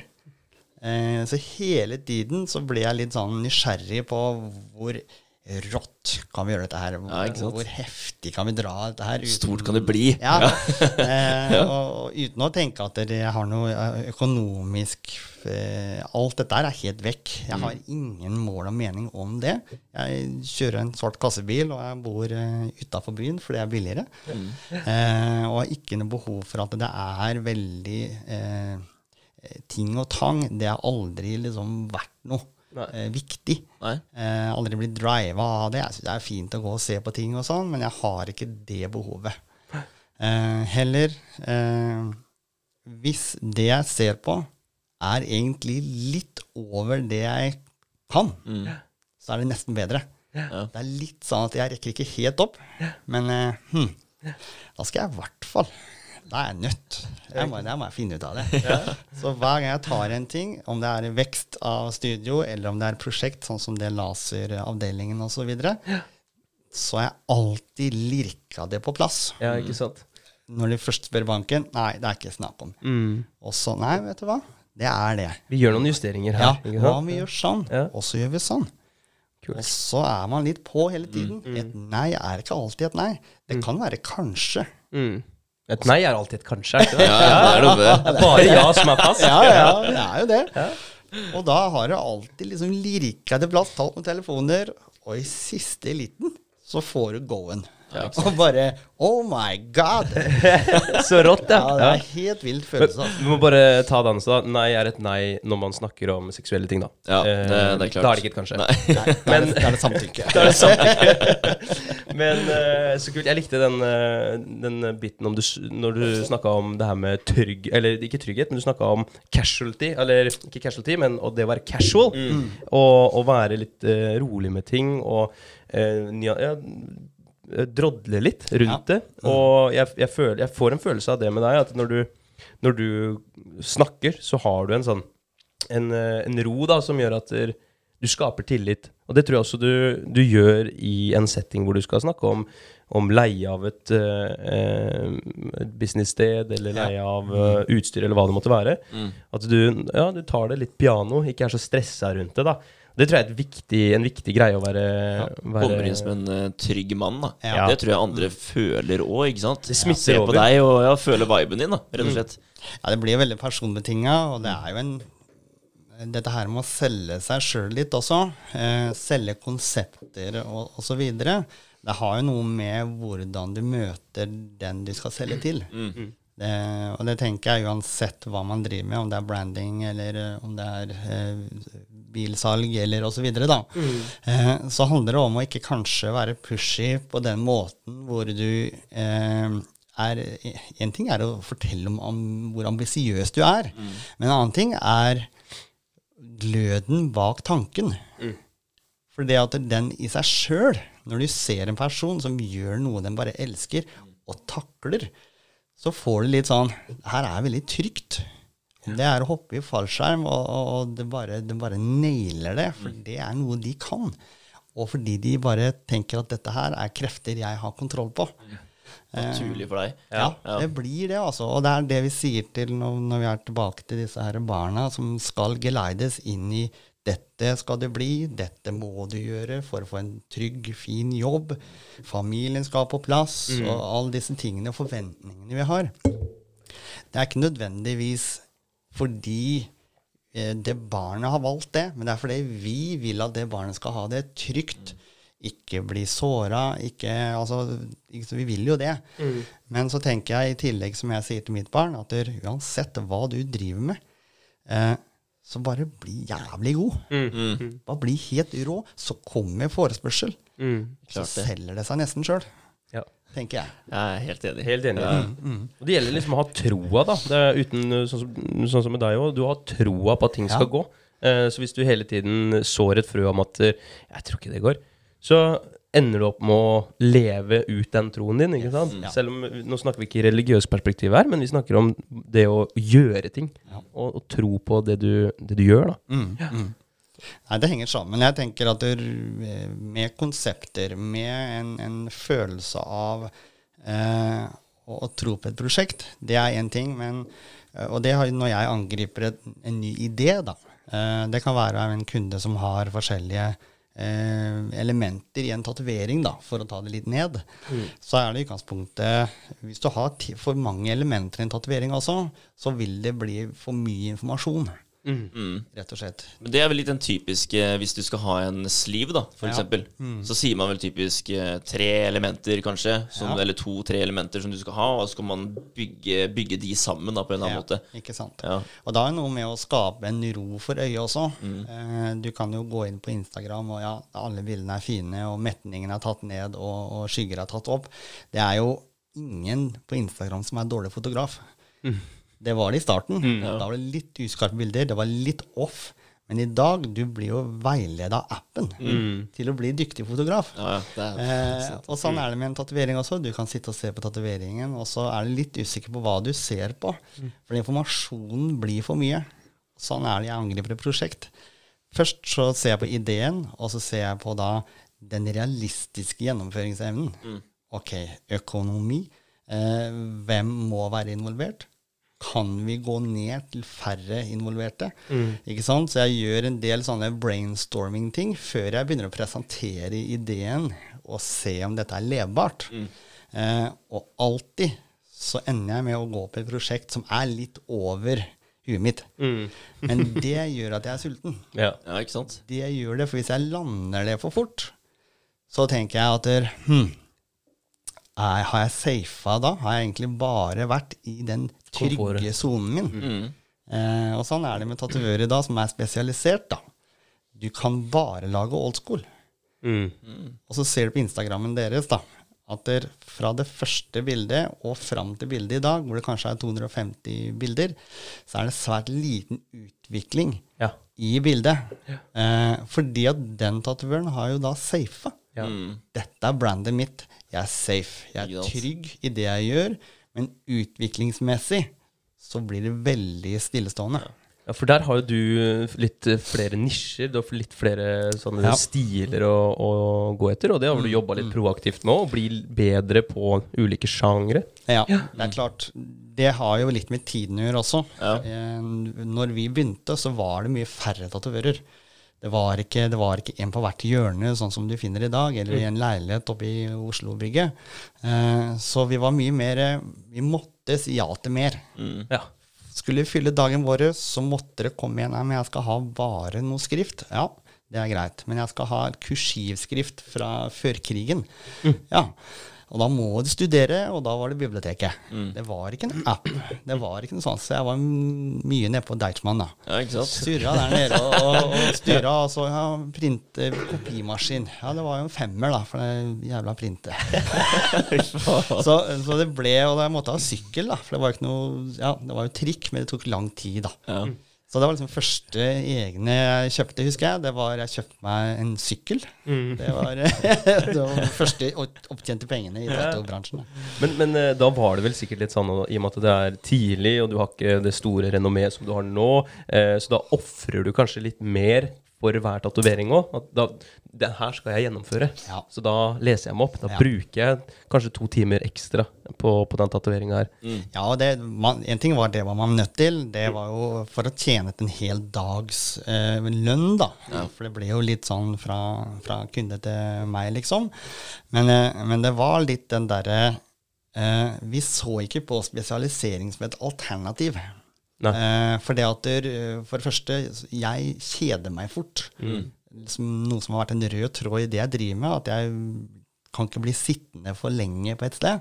Nei. Eh, Apropos eh. Ja. grafisk designer. Ja, ikke? Ja. Ja. Og det gjør jeg også med stiler. Det har vært kjempemoro å studere flere stiler. Jeg har alltid sagt at jeg lager det, men jeg lager på min måte. Altså, jeg tolker det. Det kommer folk inn. Jeg skal ha en asiatisk eh, inspirert sliv som har mye grunnregler og begreper. Oppbyggingen og sånn er veldig satt. Men jeg lager det på min strek. Så kunden vil alltid få det nye originale som er tolka av meg som kunstner. Mm. Istedenfor å trykke på nettet 'Dette er den sliven jeg skal ha', fra en kjent tatovør som har sittet mangfoldige timer og laga dette her. Så skal jeg bare dra det rett fra nettet og opp på en eller annen person. Det går Nei, det ikke? går ikke. Det. Nei, du, altså selvfølelsen av å gjenskape det ved å bare snitche det på den måten, den bare er ikke der. Den, den, den er ikke iboende, Nei. rett og slett. Men jeg, jeg syns jo også, også for den personen da, som får den tatovøren, det er jo mye kulere å få ditt preg på det, enn at det blir en kopi av det på nettet. For da, da er det en annen som har den samme, da.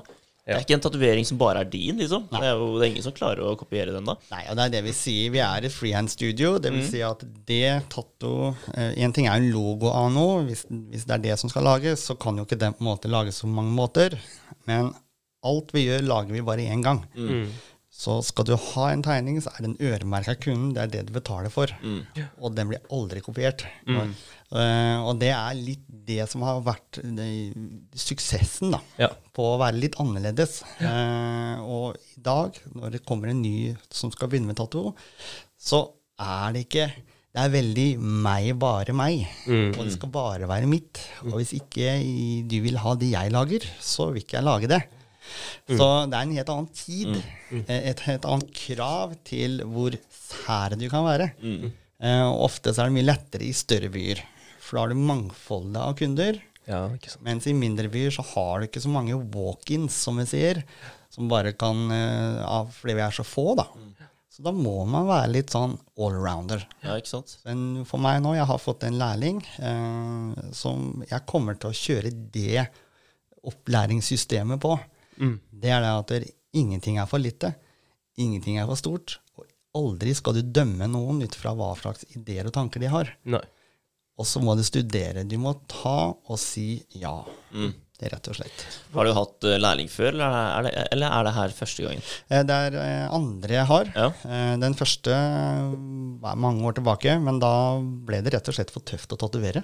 Mm. Så den personen endte med å ikke bli tatovør. Så ansvaret rundt dette her med å merke andre osv., det, det ble bare ikke ok. Nei. Og det var han ærlig med. Ja. Så da tenker jeg da, da er det heller bedre den veien. Fordi det, er et, det er et forskjell mellom Mm. hud og papir, altså. Ja. Mm. Det er noe med. Kan du dra oss gjennom uh, uh, prosessen? Fordi jeg har hørt uh, Jeg kjenner flere Jeg er veldig glad i tatoveringer. Har ikke merka meg sjøl enda. Eh, kanskje etter hvert. Men jeg kjenner Ja, flere som har gjort det det. skjer nok nå. Ja, Vi skulle ta den der statementen som vi skrev i Ja, stad. Eh, Husk å være snill og grei. Ja. Men eh, jeg kjenner mange da som har vært hos deg og har eh, fryktelig gode tilbakemeldinger. Og seriøsiteten, eh, profesjonaliteten At det du tenker deg ganske mange ganger om før du leverer tilbake et eh, design, og um, du tar noen runder da, med å sørge for at kunden er sikker på, på valget sitt. Eh, og Sånn jeg har skjønt det. da Men kan du ta oss altså Fra noen kommer til deg og sier at de, Jeg vil ha en uh, X på armen min, eller uh, en Y på underarmen min. Eh, kan du lage det? Hva, hva er prosessen? Ja, prosessen er jo slik at eh, ikke alle er jo i Halden. eh, og da er det på en måte en mailkorrespondanse først. Eh, det vil jo åpne for da en idé, eh, et konsept. Eh, og jo mer informasjon jeg har i mailen, så raskere vil jeg se om dette er noe vi får til, eh, eller at vi må lage noen justeringer. Og hvor gjennomtenkt det er. Det Ja. får du også vite. Absolutt. Ja. Så, og det, det merker du gjerne. Eh, for jeg har kunder som, som skriver eh, svært mye om også baktanken på konseptet sitt. Og så har du noen kunder som sender med bilder av andre som har tatoveringer, og skriver at 'jeg vil bare ha dette her, gjerne før sommer'. Og da er det en del, kall det faresignaler, som jeg tenker her må vi jobbe litt for å finne ut av eh, hvor seriøst det er. Ja. Og det har noe med gjennomføringsevnen, alltid. Eh, for jeg vil jo gjerne ha et resultat til slutt når jeg begynner på noe. Og er prosjektet større enn fem timer, så er jeg liksom avhengig av at den kunden gjennomfører, kommer tilbake, så vi får satt siste hånda på verket. Uh, Ut ifra den mailen, da, for å ta den veien først, så er det da eh, å svare på den mailen. Hvis det er informasjon jeg føler jeg mangler, så vil jeg da prøve å få mer informasjon der. Eh, er den kunden tilgjengelig i Østfold, så vil jeg gjerne ha en prat med den. Ja. Eh, og det handler litt om å se og møte, eh, føle og ta på. Eh, og da ser jeg med en gang hvor dette kommer til å ende opp.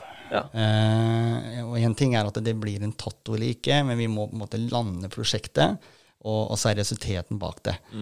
Eh, hvis denne kunden da viser seg å, å være en såkalt døgnflue, som vi sier, eh, hvor du har veldig mye lyst, men du har kanskje ikke tenkt over eh, tid, eh, økonomi osv., så, videre, så så er jeg veldig ærlig på det. At eh, vet du hva, eh, jeg tenker at ideen og konseptet ditt er det er for lite fundament bak det.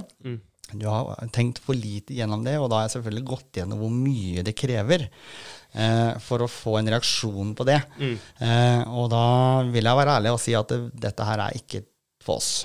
Dette er ikke et prosjekt jeg føler vi kan ta nå. Må gjerne komme tilbake, eh, og, og jeg legger alltid inn en positiv vibe på det. Eh, at dette er selvfølgelig gjennomførbart, dette får vi til, men vi har noen grenser. Vi kan gjøre sånn, vi kan gjøre sånn, og så legger jeg fram en plan. Så når kunden går fra meg, så skal det i utgangspunktet være en følelse av at du er tatt imot godt, du er respektert, og enten så var det for stort, eller så er det hm, vet du hva, dette her skal jeg gå videre med, Ja. men jeg må hjem og jobbe litt. Ja. Litt hjemmelekse. Ja. Eh, utover det, da, hvis kunden er veldig seriøs, dette er gjennomførbart, prosjektet er helt fullent mulig å få til, så er det å lage en plan. Hvis dette prosjektet tar fem timer, så er det jo da å få den kunden til å komme inn i en kø. Vi har køsystem, booking. Eh, og opp til den timen da, så er det skisser.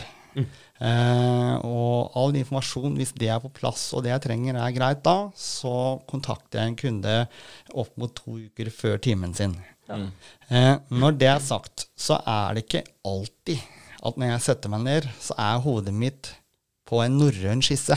Det er der det ofte kan være litt forskjeller. Klarer å switche over, ja. Nei, det er den som er litt vrien. For det må hende at jeg er mer kreativ der i morgen. Ikke sant? Eh, jeg bruker mye musikk eh, for å komme i mood. Eh, jeg må nok føle litt viben på det jeg skal lage, for å føle at jeg får tegna det riktig. Ja. Så jeg kan sitte en Jærlig dag fett. og Det er det. Ja, det er, det er litt sånn vei å gå også. Det er det. Eh, og en kunde kan jeg få beskjed om at du får en tegning etterpå, Mm. men det kan godt hende at den ikke kommer. Eh, og det er rett og slett for at ja, jeg har begynt å skisse. Jeg gjør det. Eh, men i dag er, det er et eller annet som er off. Det kan være i tillegg til at man har barn og en eller annen har slått seg på sykkel, eller så er det klart dette påvirker. Eh, men det er også det faktum at jeg må føle at det jeg leverer, det bare har en good feeling. Ja, ja, ja. Sitter, det, det flyter, det er bare helt innafor. Eh, og da kan jeg sende en skisse til den kunden. Så det er liksom en startprosess på tegningen, da. Eh, og så vil den kunden se motivet, og så korrigere. Eh, og noen ganger så er det en korrigering, andre ganger så er det bare spot on. Ja. Eh, så det er litt forskjellig åssen veien videre blir der, men det er i hvert fall en skisse fram til ferdig produkt. Mm. Så når den kunden kommer til timen, så er en måte alt avklart. Mm. Eh, og utover det da, så er det kommet forberedt. Eh, det er en femtimer. Hvis det er det, så er det en lang dag. Ja. Eh, det krever mye. Du skal sitte og, og prate med meg, være rundt meg i fem timer. Eh, atmosfæren i studio. Ja. Eh, og uansett hvor eh, opplevelsesmessig positivt jeg klarer å gi det, for det er viktig for meg at du får en helhetlig opplevelse av oss. Ja. Kaffe har vi, vi, vi server, vi, vi gjør alt vi kan for at den kunden har det utrolig ålreit. Eh, og så er det kanskje vondt. ja, det kan være. Og da må vi jobbe med det også. Ja. For det er et så stort faktum at den kunden må vi klare å få gjennom et mål. Mm. Ja. Om det er linjer, om det er skygger. I dag har vi det målet her, og det må vi klare å få til for å da etterpå fortsette på der vi skal. Har du hatt eh, kunder som har eh, måttet bryte pga. smerte eller eh, lignende? Ja, har jo det. Har jo, har, det kan være samme kunde. En kunde kan tåle fem timer én gang, og neste gang så er det bare tre. Ja. Og det er livssituasjoner, det er ting som Er du sliten? Alt dette påvirker hvor mottagelig du er. Og så er det plasseringen på det vi skal lage. Er det rundt en albu, det er klart, da er vi nære steder med bein, og det, da får huden mer juling. Ja. Ja. Ja, det er noen plasser som er eh, mye, mye verre enn andre. Ja, det er ja, helt ja. klart. Absolutt. Ja, så er du eh, sårbar, da. Er du lei deg, liksom, så skal det ikke mye til før noe gjør altfor vondt. Nei. Merker man jo sjøl hvis man får en albu i sida, og så er man litt lei seg fra før av. så, «Ah, Hvorfor akkurat Ja, meg? ja, ja. Og det er klart at det man skal ta, du må kjenne litt på den viben. Og det er det jeg mener med energi også, som vi nevnte tidligere. Du kjenner når kunden blir pusha. Du gjør det, og da er det en oppgave for at ikke jeg skal bare dra til nå. Eh, fordi at jeg kan døtte kunden over. Eh, I forhold til at du kan få tattofeber osv. på kvelden. Du kan overjobbe hud. Ja, ikke sant? Eh, en ting er den sårheten du får ved at det er pent tatovert og godt penetrert hud. Men du kan også kjøre for mye samme hudsted, og da vil du knuse hud. Okay. Da får, en he, da får du mye arrdannelser, du får en helt annen healing-prosess, altså nedeperioden, som vi sier. Eh, og da Opplevelsen etterpå da, den setter seg litt i folk, altså. Ja. Ja, Men blir det også tatoveringen annerledes da, når du får eh, store arrdannelser? Ja. Ja. Du vil jo ha det. Du vil jo ha, en ting er at du vil kjenne tatoveringen som Ofte så vil du gjøre det visse tider av året. Eh, fordi at den vil være mottagelig mot sol osv. Så, videre, så vil den få en hevelse. Det er jo et fremmedlegeme som ligger i, eh, i epidermis, som er hudlag nummer to. Så det ligger ganske høyt oppe. Ja. Eh, det kan være et slag med hånda, og så kan du få en hevelse noen steder Ja. over en tatovering. Men, men skikkelig nedkjørt hud, som vi sier, da, vil på en måte få en dårligere fargemetting. Ja, Eh, ja, Med lysere på en måte, og så vil du se at det er ujevnheter i streker osv. Ja, men jeg har også hørt det at får du arrdannelse i tatovering, så kan det, kan det bli mye vanskeligere å fjerne igjen da, ved, ved laserbehandling. Ja, stemmer. Og det ser vi jo jentene som vi har nede nå, de har jo fjerna alt som er, overalt. Og det er én ting er eh, en, et arr som har blekk inni seg. Når den laseren penetrerer det arret, eh, så har ikke den fargen noe sted å flyte etterpå. Det er jo avfallsstoffet som egentlig går ned, og kroppen kvitter seg med automatisk. Det er jo sånn laser fungerer. Men hvis det ligger et arr under der, det blir jo nesten et teppe. Ja. Så ja. den, ja, som egentlig ikke vil fjerne like godt. Så det er jo en kapsling da, av blekk. Eh, er, men der også har vi fått nye metoder nå, som vi bruker en annen type laser etterpå. Okay. Så det er to typer laser i vår prosess, da, eh, som er det nyeste nå, hvor vi da eh, eh, fraksjonerer huden med en laser, eh, ni små laserstråler, akkurat som en pinwheel, da. Nålehjul. Det åpner det, den huden, eller arret, som gjør at det får ganger. Åpner opp, og da kan det da det blekket sive ut. Ja. Men allikevel så er det Ja, det er helt Ganske i- imponerende, det òg. Ja er, det, er det mange som, eh, som er hos dere for å fjerne tatovering? Ja, Ja. det er det. det, er Jeg det. tenker Det er jo utrolig smart eh, business, da, for Ja, å si det. Altså, du, du har muligheten til å påføre og ta vekk igjen. Da, så det er jo helt perfekt. Ja, vi annonserer jo ikke med at, eh, med at dette er et viskelær. Det gjør vi ikke. Men, men, vi ser det at når det er så lett å få tak i utstyr, det er så lett på, eh, på Mallorca og tenke i, i litt sånn påstand eh, Hva skal jeg si Hvis du har vært ute og festa litt, da, en eh, guttegjeng, eh, så er det litt kult å ta en liten greie på fylla der nede. Ja, ja. Eh, og noen av de har bare blitt helt jævlig. Ja. Eh, og kunne da komme i ettertid nå da og tenke at vet du hva, her kan jeg faktisk retusjere og så bli kvitt det greiene her. Eh, så har det vært målet, da. I tillegg til det så har vi mange som har tatt tatoveringer som artisten har tatt på seg for mye. Ja. Eh, og underveis her så ser vi at dette holder ikke mål, det bryter sammen. Eh, Pga. kvalitet og erfaring til eh, tatovør. Og da kan du bleke den tatoveringen med laser. Så det er noe vi har kalt eh, eh, tatoveringsbleking. Ja, ikke sant? Litt, litt sånn som hvis uh, at, Er det en sånn tatoveringsabort? At du stopper midt i prosessen? Eh, sånn hvis man ser at Oi, det her blir ikke bra, så nå går jeg til Atle, så kan han fjerne eller bleke bort det Ja. som er blitt tatt, og så begynner vi på nytt igjen. Ja, jeg har hatt flere tilfeller hvor, hvor kunden sjøl eh, heldigvis oppdager det før det går for langt også. At det, vet du hva, det her det blir ikke som referansen, det blir ikke den kvaliteten jeg ønsker.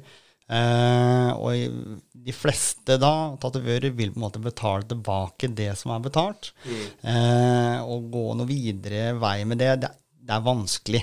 Ja. For det er kundens ansvar å sjekke referanser og være sikker på at går jeg til den artisten her, så er det bra. Det jeg ønsker, det lager de. Eh, så researchen er veldig ansvarlig til kunde. Mm. Eh, men da kommer de til oss, og så kjører vi en to-tre blekinger da. Da får jeg litt, kall det renere ark. eh, og kan legge noe helt annet over, da. Mm, mm. Nei, som Vegard sier, briljant eh, businessidé. Det er som om jeg skulle flippa McDonald's-burgere og så sagt eh, 'velkommen inn i studio', så kan du trene dem bort etterpå.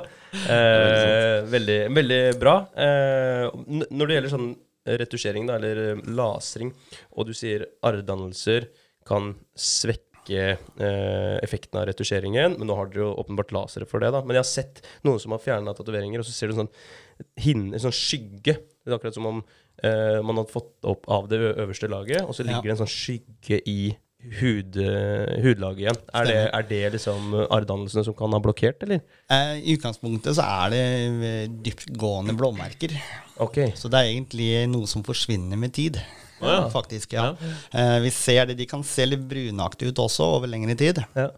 Men det er ofte da at, det, at det, det, er, jo hard medføring. Det er en liten eksplosjon som skjer i huden.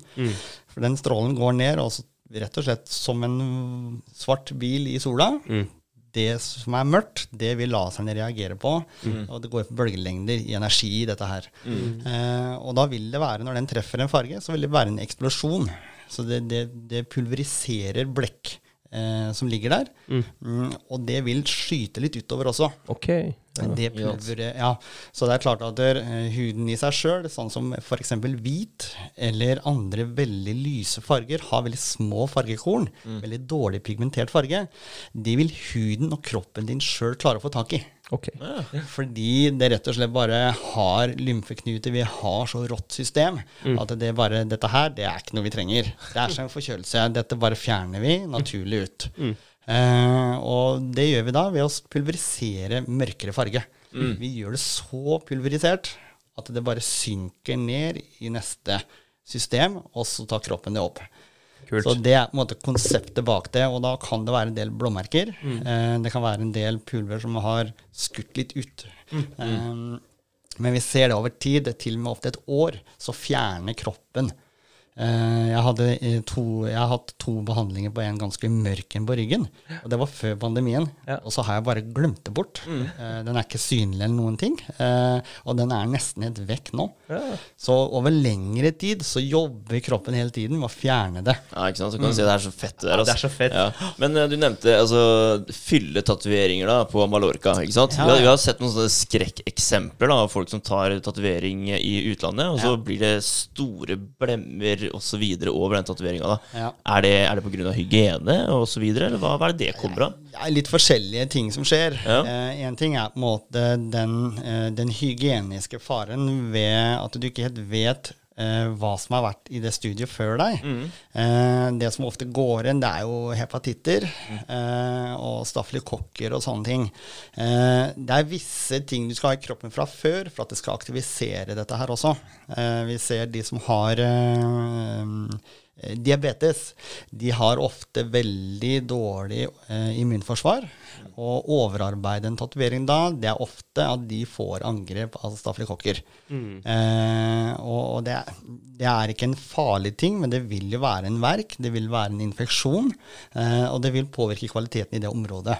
Ja. Det er ikke nødvendigvis en hel tatovering som blir sånn.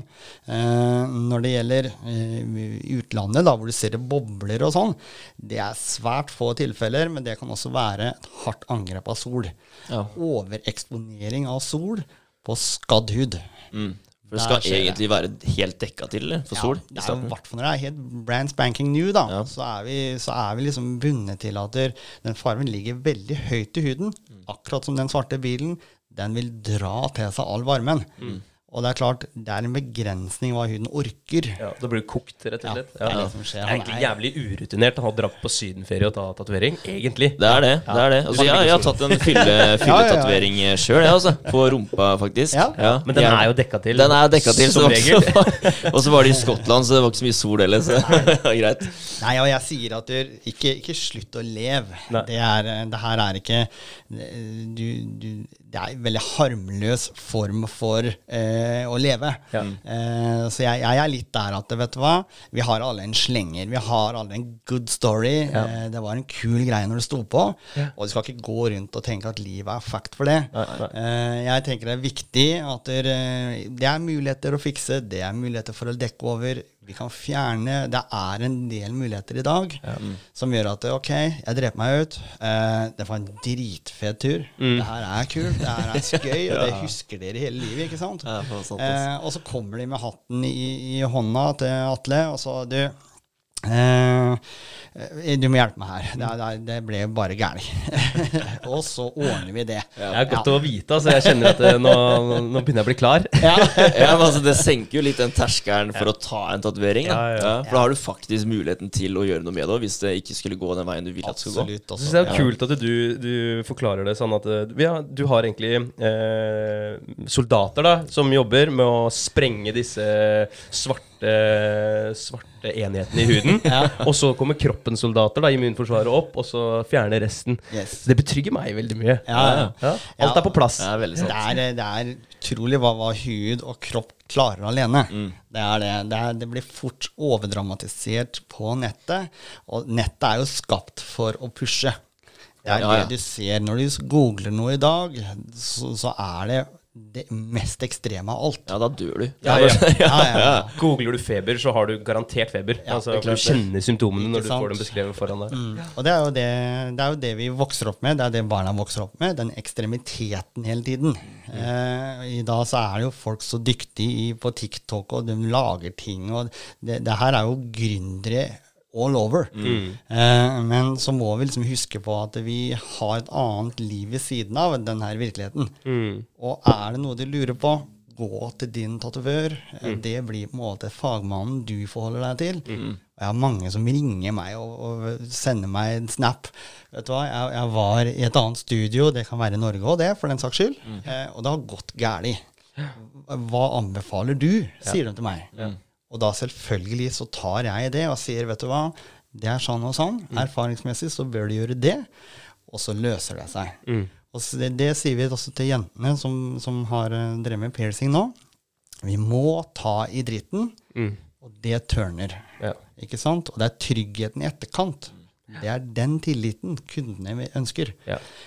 Kommer du til oss, får en piercing, ja, det ble et eller annet tull med den, du har fått en ball på øret, eller du, det er et eller annet som har skjedd, da kommer du inn, og det er ikke store kostnadene og sånn for det. Du får en ny kule hvis du har mista den. Jeg tar ikke betalt for det. Så det er den tilliten vi bygger da, den er så viktig at det, det er trygt. Ja, men den, den, Stikk bort den sjappa der. Det er åpent. Der er det en eller annen som fikser det. Men, det, men det, er så, det er så viktig det der også, for den tilliten den får du ikke på nettet. Altså, Man glemmer det bort innimellom. Jeg gjør det sjøl. Jeg søker jo etter alt jeg lurer på, Ja. hele tiden. Ja, men det kan vi google. Det kan vi google. Og jeg merka det når jeg jobba med bilsalg også, at mm. kundene visste jo vanvittig mye. For de hadde jo googla litt på, på forhånd. Men det er enkelte ting man ikke får på, på Google. Det er nyanserte tanker rundt ting. da, Ja. Og betraktninger. Ok, men har du tenkt på det og det her? Du får den tingen du har søkt på, Ja. og ikke så veldig mye mer rundt det. Så det med å, å huske på at vi har fagmenn som, som deg da, rundt, eh, rundt om i, i Norge, som vi kan snakke med, og bruke bekjente, bruke de som kan uh, det du lurer på, ja. Veldig viktig. er veldig viktig. Ja, det er det. Jeg er helt enig. Men eh, jeg har litt lyst til å snakke om også hvor langt du faktisk eh, har kommet i dag da, med, med det nye lokalet ditt, og hva som er, hva er planene rundt det, egentlig? Fordi du har jo to ansatte nå, og de to de jobber med laserbehandling og piercing, stemmer det? Ja, Ja. det stemmer. Det er eh, to behandlere som går på rundt 35% hver. Ja. Eh, og de eh, Målet er jo å få de i fulltid. Mm. Eh, det er jo yrker som er vanskelig å finne folk til. Mm. Så det har vært en utfordring. Og på En, måte, en ting er å komme på et konsept, og så skal du få noen til å jobbe med det. Og når du da ikke har, som på Kalnes, da, så har du ikke kolleger, eh, ti andre som du kan spørre om hjelp. Eh, de er veldig overlatt til seg sjøl, eh, til de som har levert utstyret osv., for å kunne finne løsninger hvis det skulle være komplikasjoner eh, osv. Eh, men uansett så er mm, Jeg har egentlig bare tenkt på konseptet. Og så, akkurat som laser, så har jeg likt ideen. Eh, jeg var jobba på en messe i LA eh, eh, i midten av 2000-tallet, hvor jeg så det konseptet dukke opp. Ja. Så der var liksom ideen å gro i tanken på den der sånn. Eh, og det har vært en lang vei å få tak i riktig type laserutstyr osv. Eh, og når jeg først Jeg har jo så mange i stolen. Eh, og så tenkte jeg bare litt tilbake at den personen her, som jeg har foran meg nå, det er jo en potensiell laserarbeider. ja. Eh, som da skulle vise seg å være eh, Jennifer. Eh, ung, eh, hadde, var sulten på å gjøre noe. Eh, jobbe og drive eh, i mindre skalaer. Eh, ikke minst hadde en utdannelse som det er krav om, eh, som var da sykepleier, i forhold til at det er mye sårbehandling. Ja. Og begynte selvfølgelig å så dette frøet. Eh, og så bare baller det seg på, som det pleier å gjøre med disse prosjektene. Og til slutt så var jeg bare nødt til å ta en telefon og si hei, du. Husker du når vi snakket om det greiene her? Det har jeg noe greier på gang. ja. Og så har det bare blitt med det. Og, og sånn var det også med, med Vivi, da. Ja. Eh, for det å, å kunne bare lene seg på en person eh, er veldig sårbart. Så er det nesten bedre at de får en partner in crime. Eh, litt mindre stillinger hver, men da kan kaste litt ball. Er én syk, så kan du hoppe over litt. Så det er lettere å ha litt eh, Fleksibilitet. Ja. Ja. ja. Skulle det skje noe, så er det en annen som kan blir steppe veldig inn. sårbart. Ja, Ja. det gjør det. Eh, og når ikke jeg også kunne bare hoppe inn, Mm. eh, så ble det liksom et yrke som jeg ikke kunne fikse sjøl. Du har vel ikke kapasitet til å lære deg det og ta det i tillegg? Nei, Nei. jeg har ikke det. Og det er ikke Det er jo, som vi snakket om, at jeg begynte med grafisk. Ja. Og jeg tegner. Det er det jeg gjør. Eh, og det vil jeg tilbake til. Jeg, jeg vil drive, som sagt, og drive den type jobb. Eh, men jeg vil også drive med tattoos. Det er liksom det jeg brenner for. Jeg koser meg. Jeg setter på musikk, lager kaffen, går i tøfler. Eh, det er det jeg vil ha. Ja. Eh, men målet i seg sjøl jeg har ikke helt Jeg har fått en ambisjon, det har jeg fått. Ja. Eh, ved å si ja til Eller ta det nye lokalet, da. Målet der sånn var jo at der, i utgangspunktet så ble vi for små. Eh, lokalet ble for lite der vi var. Eh, for der delte jentene et rom. Eh, og så når den ene hadde kunde da, så kunne ikke den andre booke timer. Nei. Eh, så det begrensa egentlig tidene til den andre behandleren. Eh, så da tenkte jeg, hva om vi lager et kollektiv? Hva om vi lager et sted som i utgangspunktet har flere behandlingsrom? Eh, per i dag nå så har vi fem, eh, fire. Eh, og disse båsene er helt individuelle. Det må ikke være en tatovør. Det må ikke være en pelser. Det kan være en som tatoverer øyenbryn, som kommer på besøk. Ja, Så jeg vil ha et kollektiv med tilreisende artister. Ja det, det er smart. Ja, så jeg tenker at der, eh, nå har vi fått eh, Vi har jo annonsert noe om at nå har vi rommene klare, og, og etter mye oppussing og ting og tang, så er disse rommene klare. Og nå har jeg begynt å annonsere med at nå har vi guest spot available internationally. Oi. Så nå får vi da i løpet av høsten så får vi fem gjester fra hele verden. Shit. Ja, som skal leie et rom. Eh, så jeg måtte jo ta en tur til Jeg må jo finne et sted å bo for de, så jeg har jo jobba mye med, med å få dette her i gang, da. For de skal jo komme til oss, jobbe en uke her mot eh, å ha en cut da, ikke sant. Eh, omreisende artister, det er noe som har vært i mange år, og det er noe som er en kul greie. Da bringer jeg kultur hjem til Halden. Sykt Ja, kult. det er jævlig fett. Så det det er er, liksom konseptet med å ha flere rom, ha et større sted.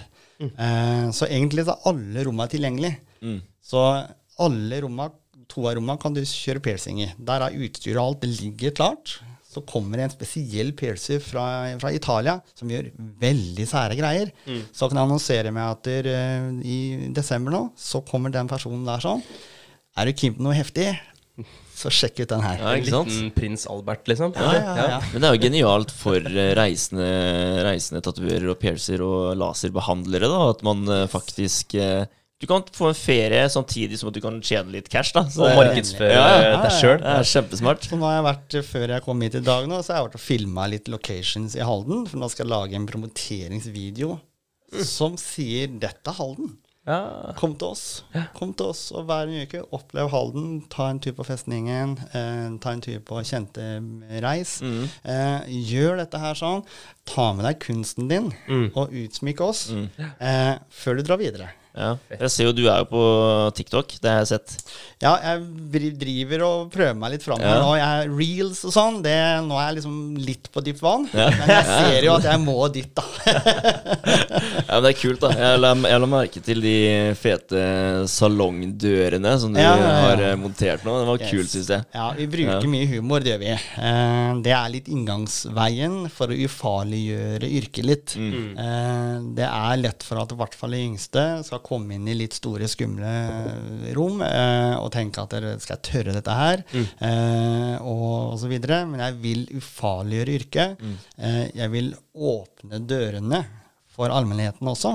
Og si at vet du hva, dette her er et kunstyrke som er å beregne. Vi betaler ganske mye skatt. Vi er oppe og går. Det er liksom solid sak, da. Eh, I tillegg til at vi kan få tilreisende eh, fra hele verden til Halden. Eh, så det, det er det som har vært konseptet bak å bli såpass stort lokalmessig. Ja. Eh, og det ligger jo så fint til. Eh, jeg elsker det gamle slash det nye. Eh, og vi har virkelig helrenovert. Eh, og det fine med det studioet nå er det er jo bygd av kunder av meg. Ja, Ja. Fordi at der, når jeg sa ja til dette her, så gikk jo prisen opp ja ikke sant. overalt. Så det budsjettet sprengte jo etter en måned. Mm. Eh, så det er venner, det er, det er folk som er i sine egne bransjer, som har kommet inn og sagt vet du hva, jeg kan ta et malestrøk. Jeg legger den, eh, det gulvet for deg, og så kommer det inn øh, bygd av folket.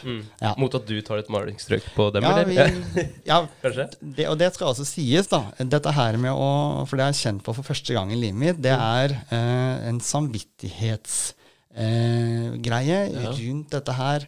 Hvor mye skylder jeg alle andre? Ja, uff. Så den har vært egentlig litt tung og en ny Ja, følelse for den, meg. den er jo ikke så lett, da. For det er, altså, folk er jo snille og greie og Ja. vil hjelpe deg, ikke sant? Men da føler du selvfølgelig at du må hjelpe de på en eller annen måte, kanskje, da. Ja. Jeg har liksom gått og kjent at vet du hva, nå må du ringe meg om jeg skal bære esker eller noe. Det driter jeg i. Jeg skal gjøre noe for deg, liksom. Så, så den har jeg kjent på og har hele tiden måttet få litt bekreftelse av folk på at jeg kan ikke gi free tattoos for alle de timene du har vært her, Nei. men jeg kan gi en fin cut. Mm. Jeg kan gjøre ting. Jeg arrangerer fest. Så jeg prøver å skape et miljø rundt det. Og der har jo alle vært eksemplariske og sagt at og beroliga meg med at vet du hva, det er ikke derfor vi gjør det. Vi vil ha dette i Halden. Vi vil ha deg i Halden. Og det tilbudet som du kan skape for oss. Eh, og, så det har jo vært en vei å gå, da. Men vi har nå pussa opp et helt år.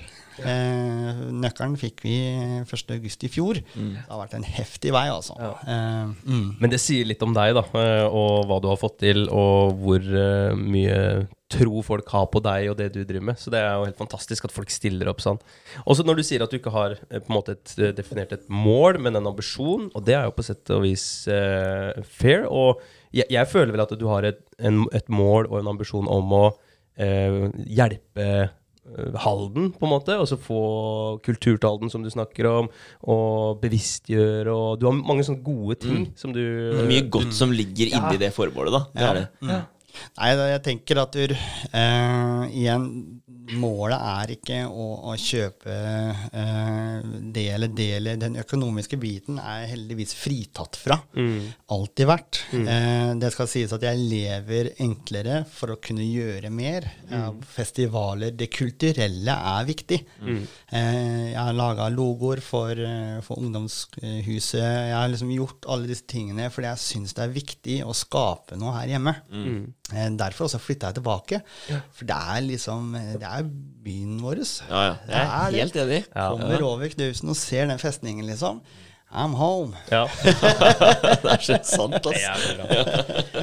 Um, vi, vi nærmer oss uh, en time og tre kvarter. Sånn, Ja. uh, jeg tenkte sånn helt på tampen av. Det har vært uh, sinnssykt uh, kult å ha deg her. Men uh, har du, noen, uh, har du en, uh, et eksempel på um, den verste tatoveringa du har uh, måttet ta? Eller er det noen du har avstått fra sånn fordi etisk, det kan du ikke ta? Eller er det no har du noen historier der? Vi må nesten ha verste og beste. Verste og beste! Ja. Det må vi ha. ja, ja eh, I utgangspunktet så har jo eh, Jeg har jo vært litt sær på, på hva jeg har gjort. Ja. Eh, det har jeg. Så jeg har nok uh, sagt mye nei. Så du har ryggen fri?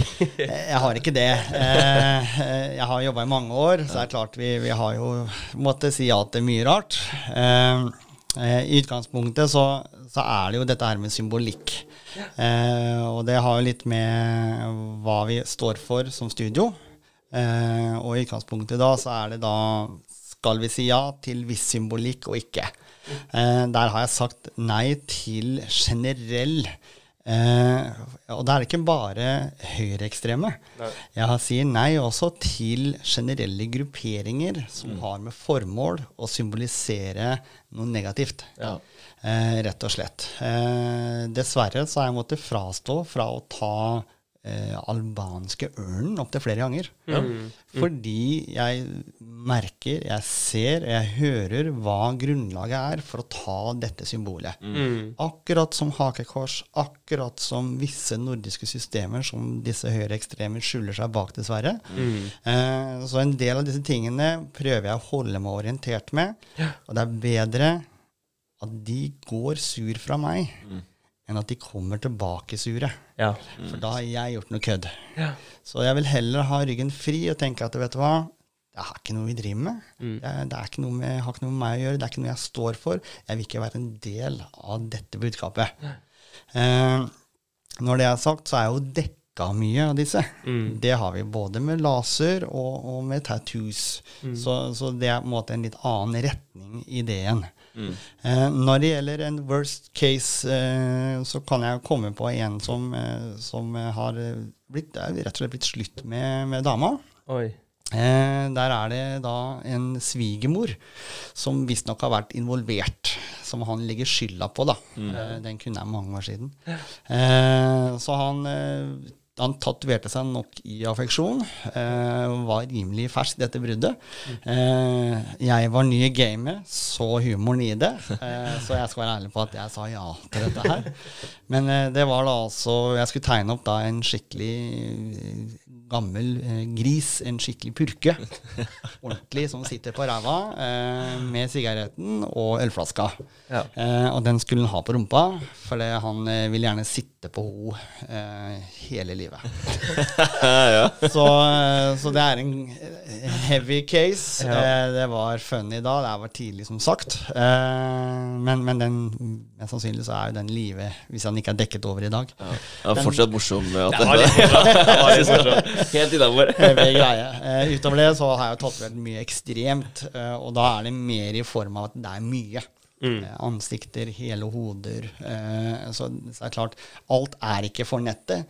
Alt eh, er ikke for alle. Mm. Eh, men det er klart man har jo noen oppdrag som, som er privat. Eh, og den ene som også var ganske heavy, det var i Oslo. Det var en blekksprut der nedentil. Eh, Ja. Det- og da var jeg ganske fersk, så jeg var jo forstyrra av den episoden ganske lenge etterpå. ja. Eh, på, en, eh, på en dame, ja. Eh, Så, så ja, vi har nok alle tråkka litt i det. Og, og, men det er litt som jeg sier med disse her fylletattisene og alt sånn. Det er en grense for hvor gærent det kan gå. Mm. Men jeg tenker eh, live a little. Ja, Det er noe med det. Det er noe med det. det er helt rått. Ja. Ja, ja. Det var eh, helt uh, sinnssykt rått å kunne snakke med Atle, og at uh, du kunne dele uh, hverdagen din, og hvordan du har kommet til hverdagen din. Eh, og du sier du, du har vært litt på dypt vann og er litt på dypt vann, og det Mm. setter vi pris på. Det er jo eh, vi også, til enhver tid. ja. Eh, er er det noe du helt til slutt har lyst til å si til Siste ord? lytterne? Ja, nei, jeg må si kjempeopplegg. Takk for invitasjonen. Eh, jeg tenker det dere gjør, har De er mye av de samme vibene som jeg er ute etter. Så jeg tenker at dere bare keep it going. Ja. Eh, og vær litt casual. Ja, Det, det fungerer, altså. det fungerer. Så, så takk for meg. ja. Takk for deg. Vi håper at du kommer tilbake en gang. Fint, det. Helt Ha det. klart. Ha det. Hei.